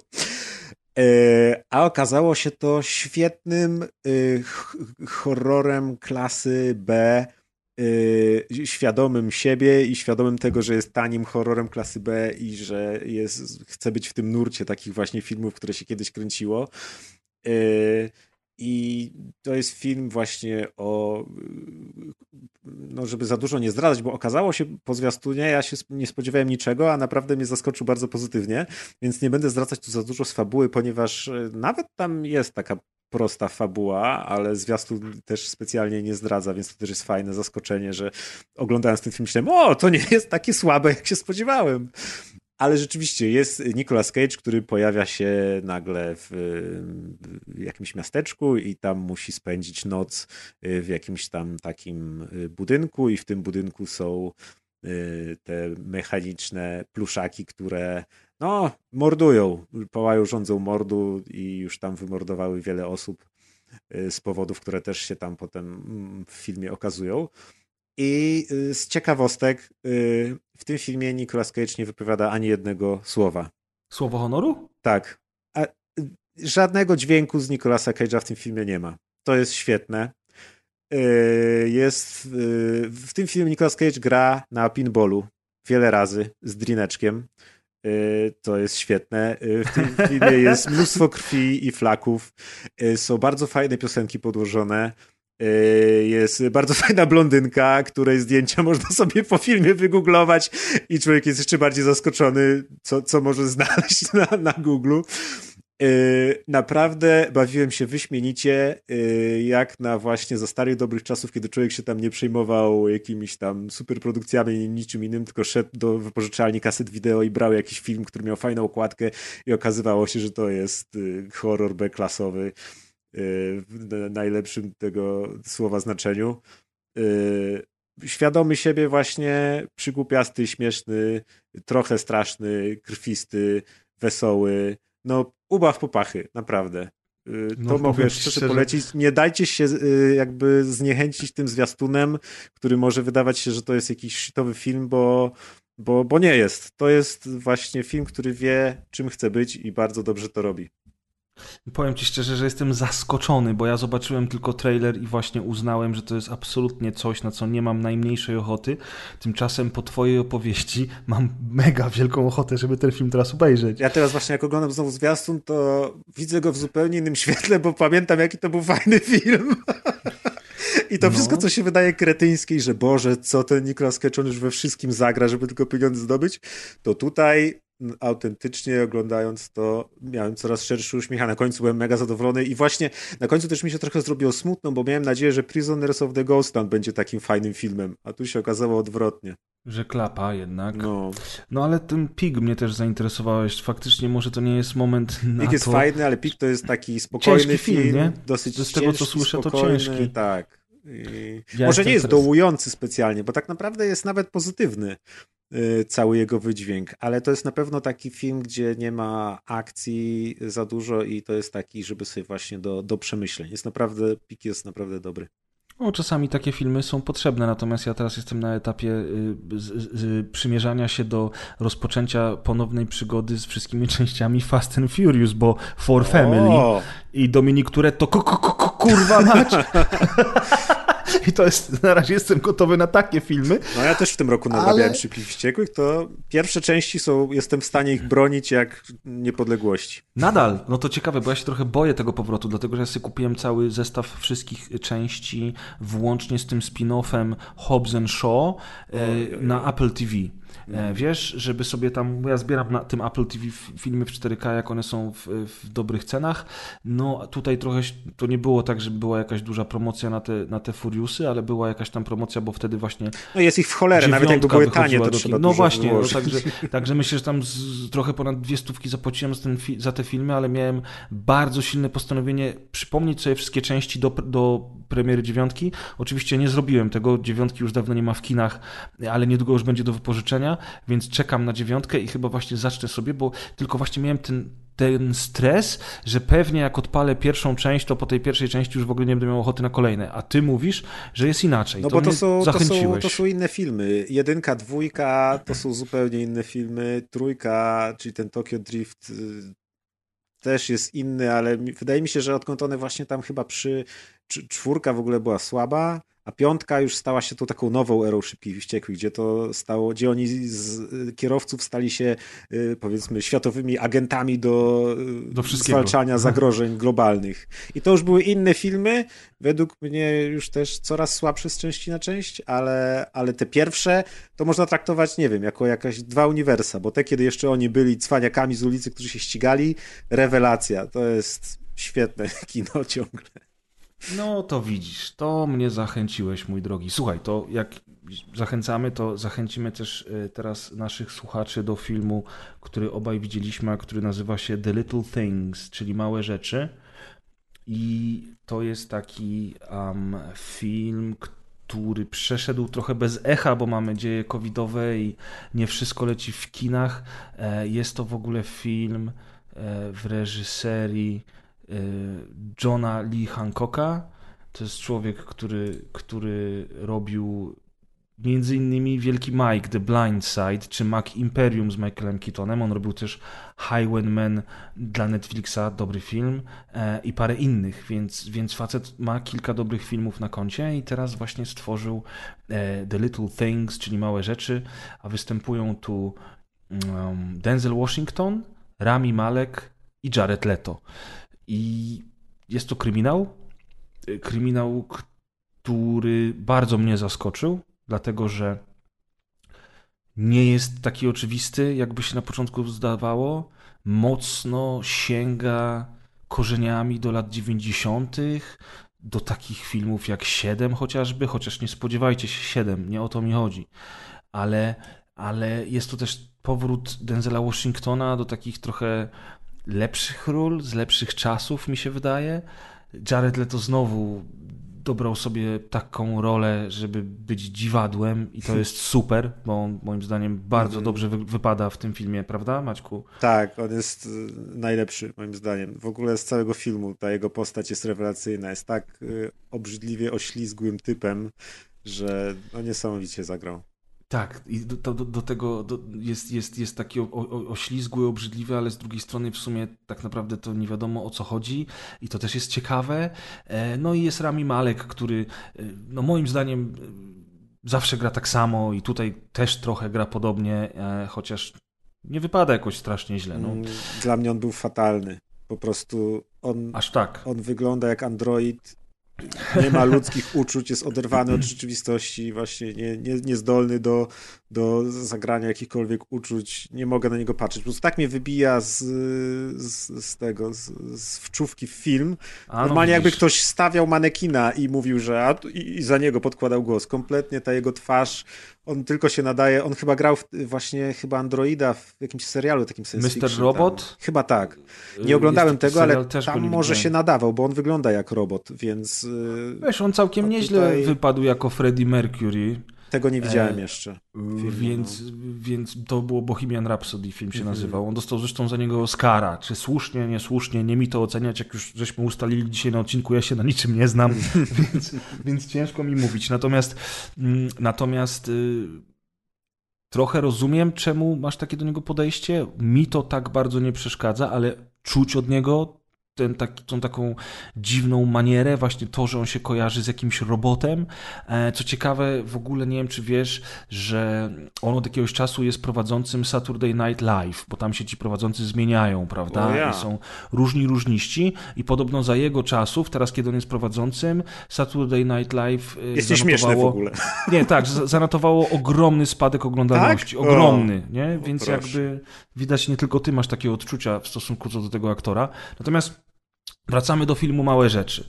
E, jest to kryminał, e, thriller trochę, w którym Denzel Washington jako, jako policjant, który kilka lat temu nie rozwiązał pewnej sprawy, e, przypadkiem trafia do miasteczka, w którym wydaje się, że ten sam morderca powrócił i właśnie Rami Malek gra policjanta, który tę sprawę prowadzi, więc Denzel Washington próbuje pomóc mu w rozwikłaniu tej sprawy i e, jakby sam chce wreszcie doprowadzić tę sprawę do końca, bo to jest sprawa z przeszłości, która nie daje mu spokoju. No i jest Jared Leto, który jest podejrzanym, na którego oni trafiają, którego zaczynają przesłuchiwać, a on zaczyna robić dziwne rzeczy, których nikt się nie spodziewał. E, wszystko, wszystko jest cały czas owiane taką aurą tajemniczości. W tym filmie jest bardzo, bardzo dużo drobiazgów, na które trzeba zwrócić uwagę i których przy pierwszym obejrzeniu mm, nie jesteście w stanie jakby zauważyć. Chociażby książki, które ma u siebie w domu postać grana przez Jareda Leto i wiele, wiele innych elementów. E, całość prowadzi do dość zaskakującego finału. I teraz po tym filmie autentycznie ja nie wiedziałem, co się wydarzyło. To znaczy, ja nie wiedziałem, jaka jest prawda. Nie wiedziałem w końcu, kto zabił i nie wiedziałem w sumie nic. Mhm. Zacząłem więc oglądać y, na YouTubie te Ending Explained i uważam, że YouTube powinien kurwa zostać zakazany razem z tymi ludźmi, którzy robią te materiały, bo y, goście na przykład przez cały materiał opowiadają cały film tak, od początku do końca. Też mnie to tak denerwuje i na przykład nie, nie tłumaczą końca, czy tam swojej interpretacji, nie, tego, nie. tylko ending explain to jest skrócę, koleś opowiada, co, o czym jest film i koniec. To Dokładnie. jest straszne. I w ogóle ten ending nie jest wyjaśniony i oni, oni dochodzą do tych samych wniosków, do których ja doszedłem oglądając ten film, nic mi nie mówią. I mam takie, ej, no dzięki za nic, To jest kurczę. strasznie wkurzające, no. Tak, więc Ending Explained powinno być zakazane. To jest tak samo, jakbyś nazwał swoją serię filmów na końcu pokazuje cycki i byś nikt, ich nigdy nie pokazywał, nie? No to jest to samo. W każdym razie faktycznie film jest skomplikowany.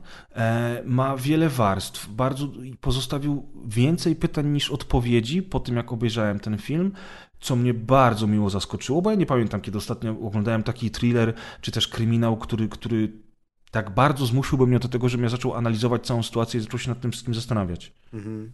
To jest fajne, że on właśnie, nie wiem, czy tu za bardzo nie spoilujemy jednak mimo wszystko, ale to, że ta sytuacja jest właśnie niejednoznaczna i jest y, jakby film cały czas, czy bohaterowie podają jakby taką samą ilość y, y, tych argumentów za jednym rozwiązaniem, jak i za drugim i nie dochodzą do żadnych wniosków. I to widz musi z tym zostać, a tak naprawdę okazuje się, że przynajmniej w moim przypadku to nie były argumenty, gdzie byłem w stanie właśnie przeważyć, że, że no, dla mnie te argumenty przeważają, albo te. I to jest właśnie taka ta to, że na końcu tego filmu tak naprawdę właśnie zostajesz z takim, wiesz, ej, ale jak to się skończyło?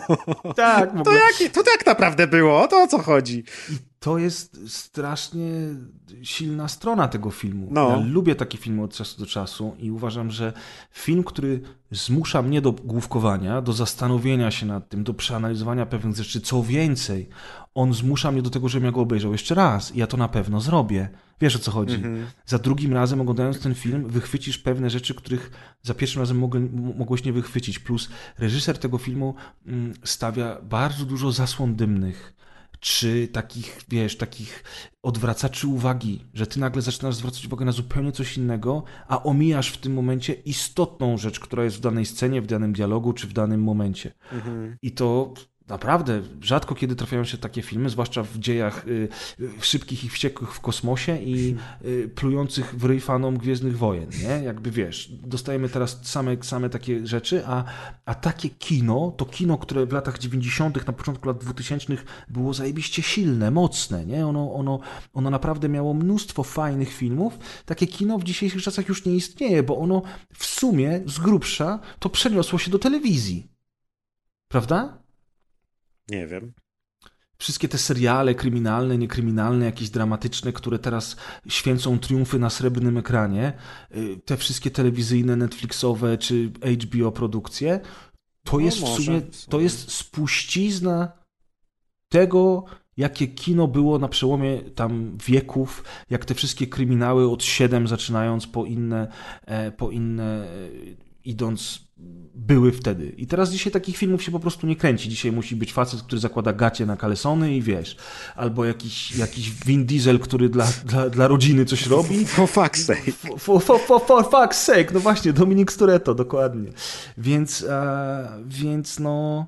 No na pewno fa- fajne jest to, że rzeczywiście w tym filmie jest dużo rzeczy do analizy i yy, znaczy na tym polega też jego główna zaleta, że tutaj właśnie nie, to nie jest film, w którym macie opowiedzieć jakąś historię i na końcu ci ma powiedzieć, yy, kto był, że to ogrodnik był mordercą i wiesz, jeszcze Tak. najlepiej retrospekcja w ostatniej minucie filmu pokazująca, co to się wszystko wydarzyło i okej, już wszystko wiesz, możesz iść do domu, nie? Tylko tutaj y, tak naprawdę fascynujące jest oglądanie tych postaci, które są różne, bo y, Denzel Washington jest już y, policjantem, który ma na sobie pewien bagaż, coś co mu ciąży, co mu nie pozwala spać w nocy.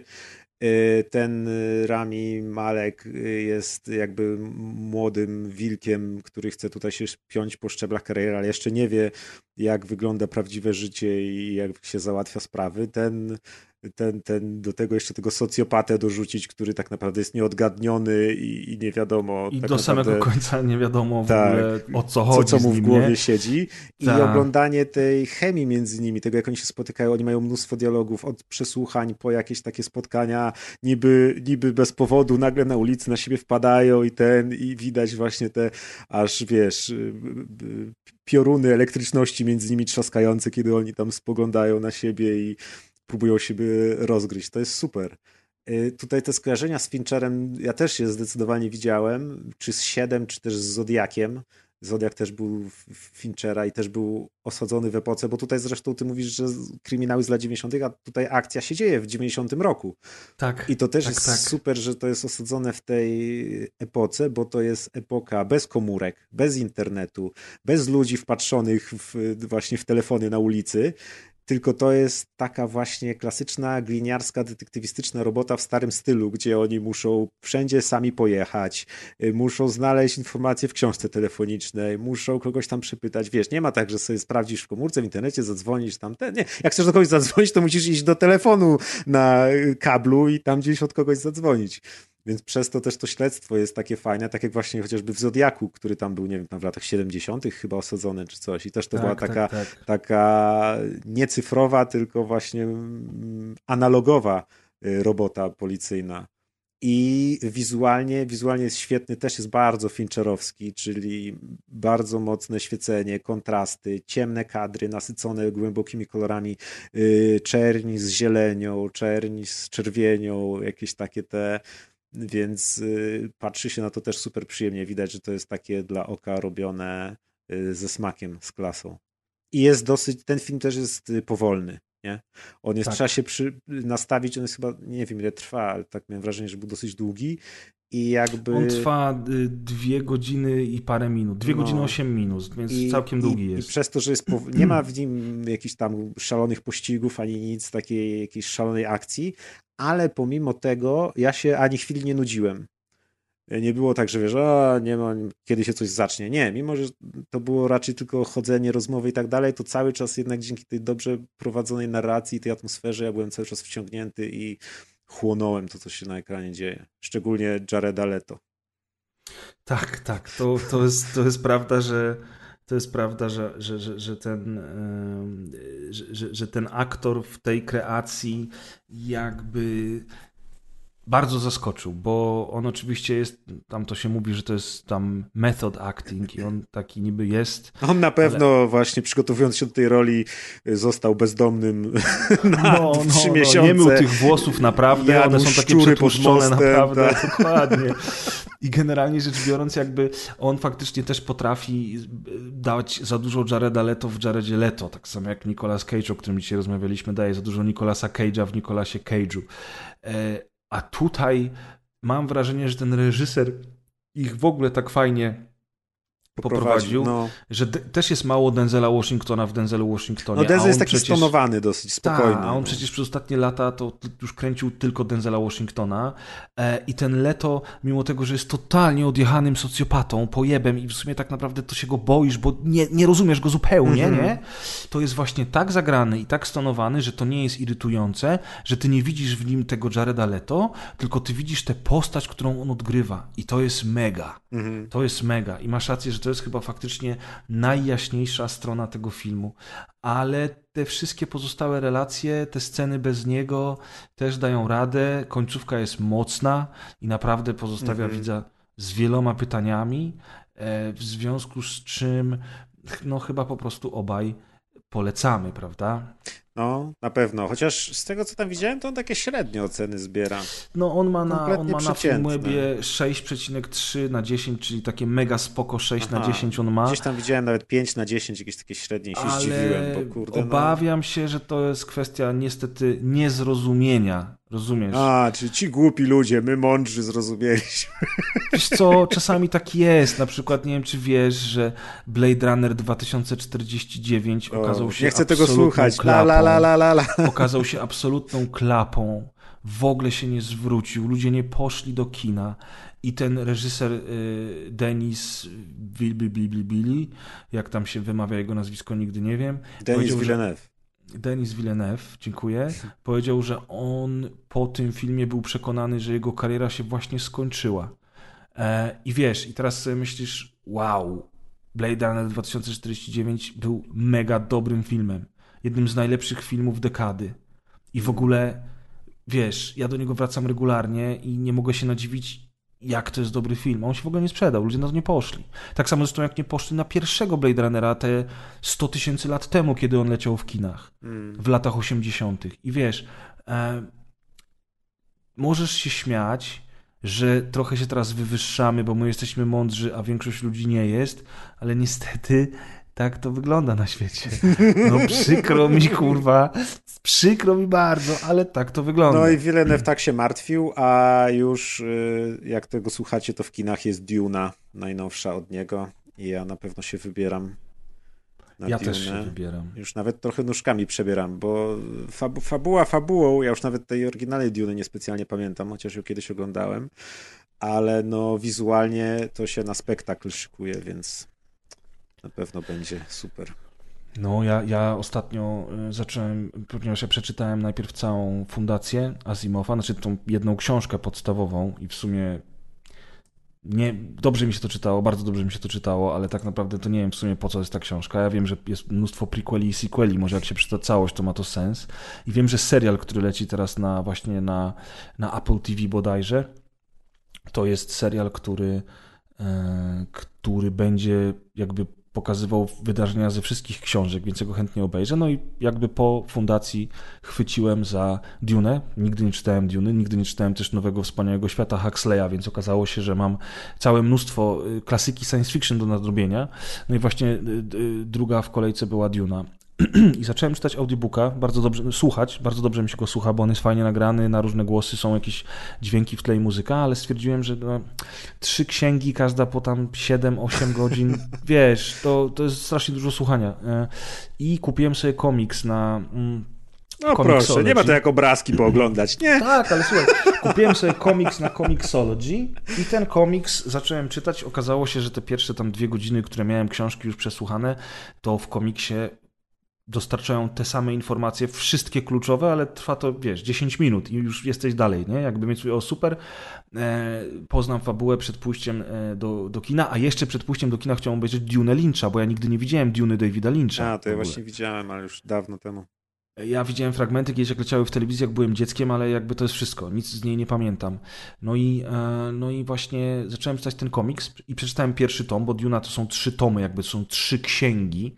To jest opasłe jak cholera, a potem były jeszcze sequele i prequele, więc tam w ogóle się dzieje. No ale załóżmy, że musimy się skoncentrować na tej podstawowej Dunie, czyli na tych trzech księgach. I wyobraź sobie, że komiks, który w ogóle został adoptowany na potrzeby y, komiksu przez syna Franka Herberta, czyli gościa, który jakby zna temat od podszewki, um, ukazał się tylko w postaci pierwszej księgi. Jak przeczytałem, czy, przestałem czytać tę pierwszą księgę, to na końcu pojawiła się informacja, że druga księga w, w, wersji komiksowej pojawi się już na początku 2022. Ojej. I sobie myślę tak, po co? Ja mówię, to po co oni pierwszą księgę wydali w 2020 roku, żeby zdążyć na premierę Duny, a drugą księgę będą puszczać parę miesięcy po premierze filmu w ogóle. A trzecia przecież... będzie w 2030. Tak. I mówię, no nie, no wracam do tego audiobooka. No, tylko, że niestety Duna jest napisana w taki sposób, że tam jest trochę za dużo lania wody, taki cały klimat jest taki, że nie wiem, czy dam radę Trzeba jak z tymi, audiobooka przed premierą filmu. Ze szkolnymi tymi, jak się Boże nazywają te w szkole co trzeba czytać. Wiem, e, streszczenia. Nie, streszczenia. ale ogólnie to książki, co się czyta w szkole, lektury. lektury. O Boże, tego słowa mi brakowało. To trzeba jak z lekturami, jak jest opis y, przyrody, to pomijasz, pomijasz. No, no, no, tylko na audiobooku to ciężej zrobić, bo nie jesteś w stanie przeskanować wzrokiem tekstu, no tak, nie? nie wiesz, gdzie on przestanie pierdzielić. Jest, dokładnie, i to jest problem. E, no, natomiast też, też czekam, bo po Blade Runnerze 2049 po prostu jestem przekonany, że to będzie wizualno, audio audiowizualne arcydzieło.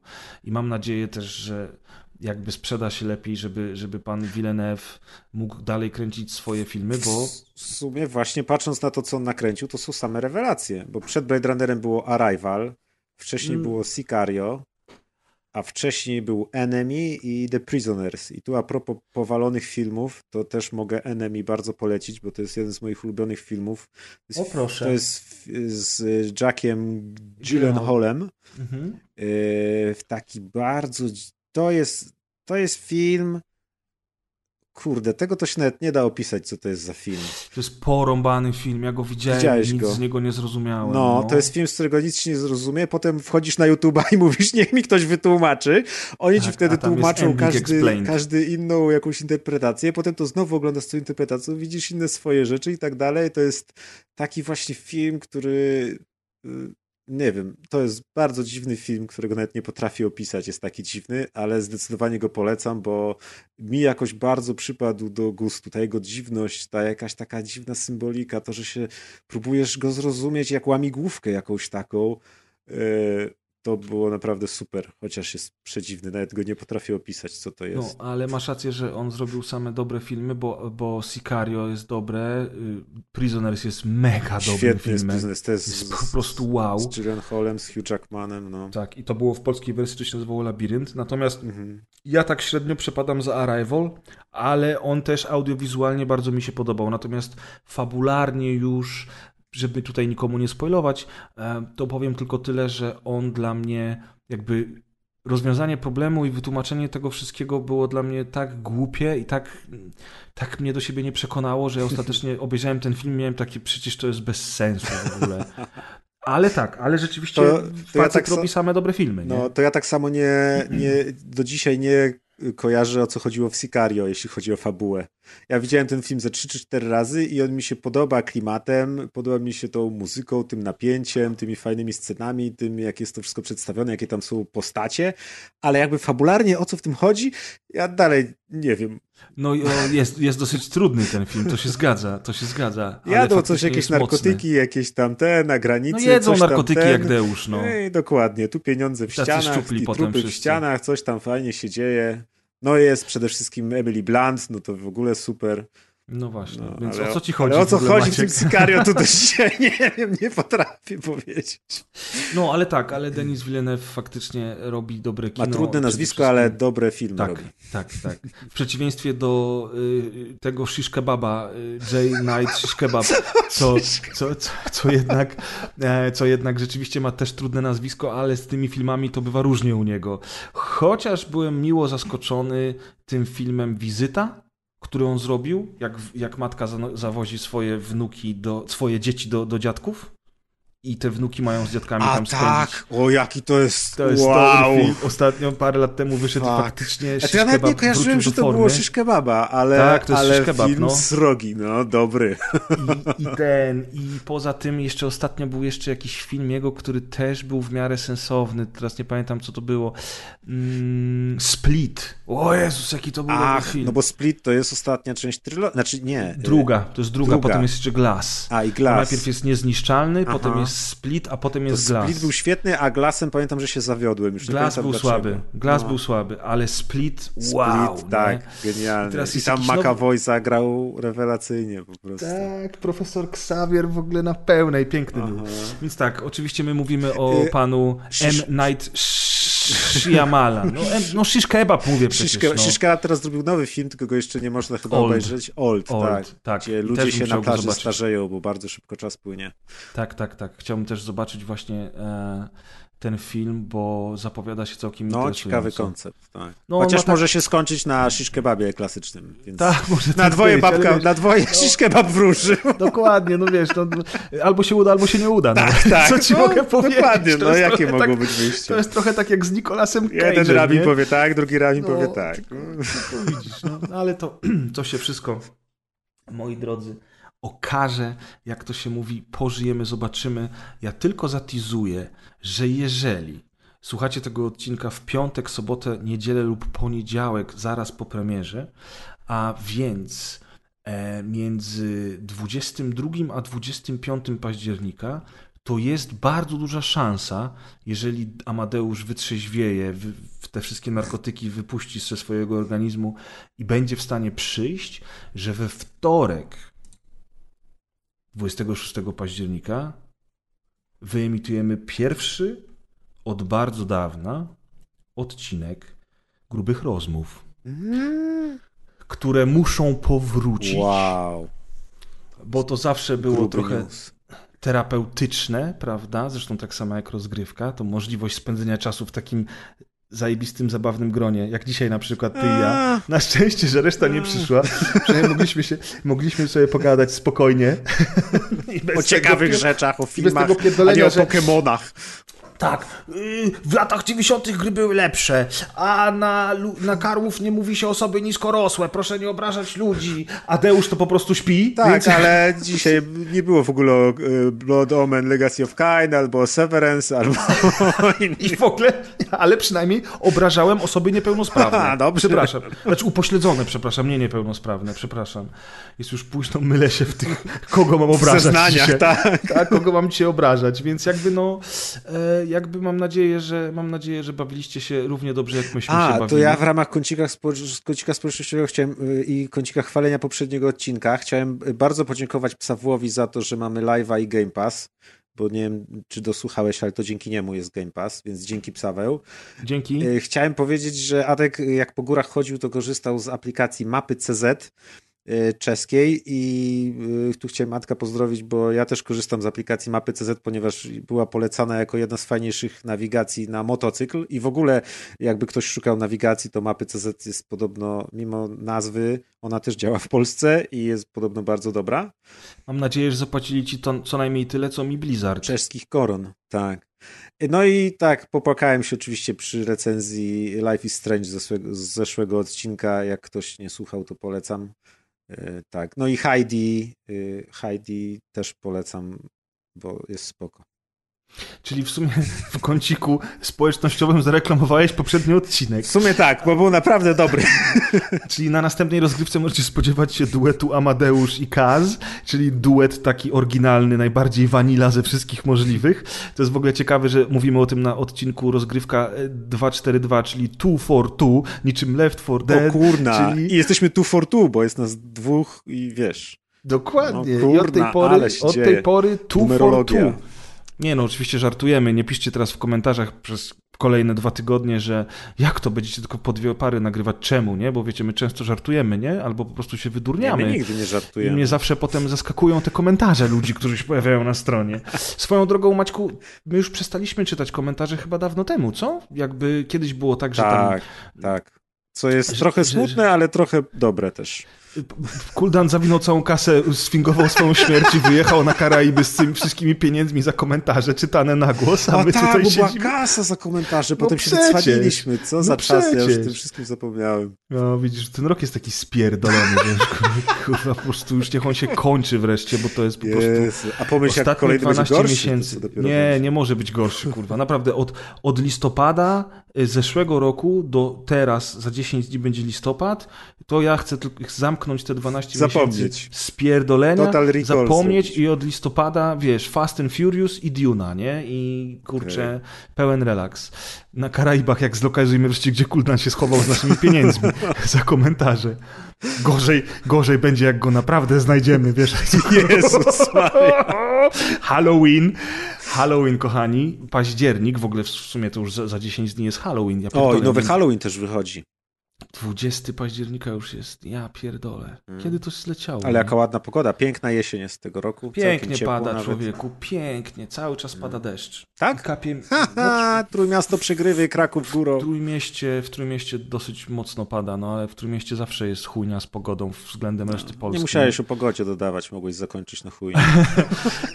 Wiesz, no... Są, no, no. Dzięki, Nie, teraz Maciek. podobno, na Dzięki, Maciek. podobno we Wrzeszczu teraz jest nowe źródło światła ciepła. i ciepła. Tam wszyscy walą teraz drzwiami i oknami. Na ten taki park pod tobą, tam gdzie jest to boisko do kosza, tam już wiesz, jest Tak, tłum jak tak. na koncertach po prostu, na openerze. Właśnie, Jak nie ja wiem czy wiesz, ale tam pod twoim blokiem będzie opener najnowszy. Będziesz... O, jak ja wychodzę na balkon, to oni tak wszyscy, taki, wszyscy, wszyscy tak siedzą w tym, w tym parku i tak. A, Wyszedł. Wyszedł. A ty, wy wtedy, a ty wtedy mówisz krwi dla Boga, krwi. kurwa, wchodźcie na socjale, kłóćcie się o Kanye Westa! Dla mnie! No. U, to już sygnał chyba, że trzeba kończyć i iść wziąć leki. Tak, y, coś mi się właśnie zadziało z mikrofonem. Czy ty mnie słyszysz? Niestety tak, niestety działa cały czas. Ty, ale mi się Audacity z, z, zesrało jakby, nie? No to tym bardziej jest znak, żeby kończyć. I najwyżej puścimy audio z TeamSpeaka i będzie znowu guerrilla odcinek. Kurde, no ja, mi się już jakby zamknęła ścieżka, więc ja już wpiszę od razu rozgrywka 242 podkreśnik prez i zacznę to zapisywać w MP3, bo nie mam A my będziemy śledzić na żywo progres tej dramatycznej tragedii, jaka dzieje się właśnie w Gdańsku. Tak, we Wrzeszczu, wiesz, nagle wszyscy w tym parku Wszyscy właśnie, co teraz będzie? udało się? No, sko- skończyło się. Taki cliffhanger, nie? Ale ja nie wiem, jak to się stało, że w ogóle mi się za- samo z siebie zaczęło to nagrywanie. No, twój komputer stwierdził, że dosyć już tego pierdzielenia. No, skończyło mi się na 2, 42, 49, 48, tak plus minus. Wyeksportuję to. Weź zapisz proszę cię tą ścieżkę y, backupową, bo zaraz się okaże, że u mnie się wszystko zesrało. Szkoda by było tego odcinka. Tylko moją ścieżkę wtedy puścimy, też będzie śmieszne. Też będzie śmiesznie, no. Myślę, że tak. No to, to tyle na dzisiaj. Pożegna No. się ładnie ze słuchaczami na ścieżce backupowej. E, Żegnam się bardzo ładnie z wami wszystkimi. Do następnego, do usłyszenia. Z tym ciepłem od telewizora to Maciek żartował, nie przyjeżdżajcie. Czyli zbiórka we Wrzeszczu za dwa tygodnie. No, no, no. Akurat wtedy puścimy z głośników z balkonu y, ten odcinek Kaz versus Deusz. Live. O, i będzie open air. O, zobacz, w środku, w środku jesieni. No i bardzo dobrze, no. No Dobra, to stary. na razie w takim razie. I Na razie w takim razie. Do następnego. Trzymajcie się. Hej.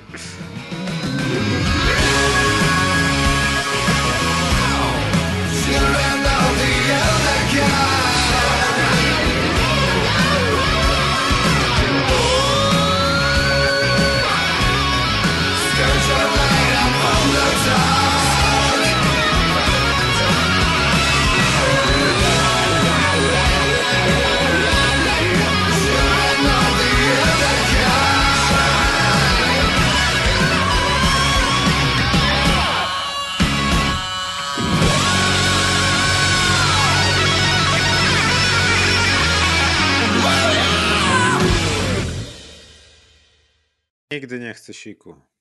Znaczy No czasami dobrze. chcę, ale nie w czasie nagrywania. Rozumiem. Raz, dwa, trzy, cztery i aha, Audible jeszcze, nie Audible, bo na tym słucham książek, tylko czego używamy? Na Audible Audacity. nie nagrywamy dzisiaj, nie? Nie, dzisiaj nie, wyjątkowo nie. Patronami montażu są Łódzki Dom Kultury Paweł Las Jedi 84 Rumiński I Andy.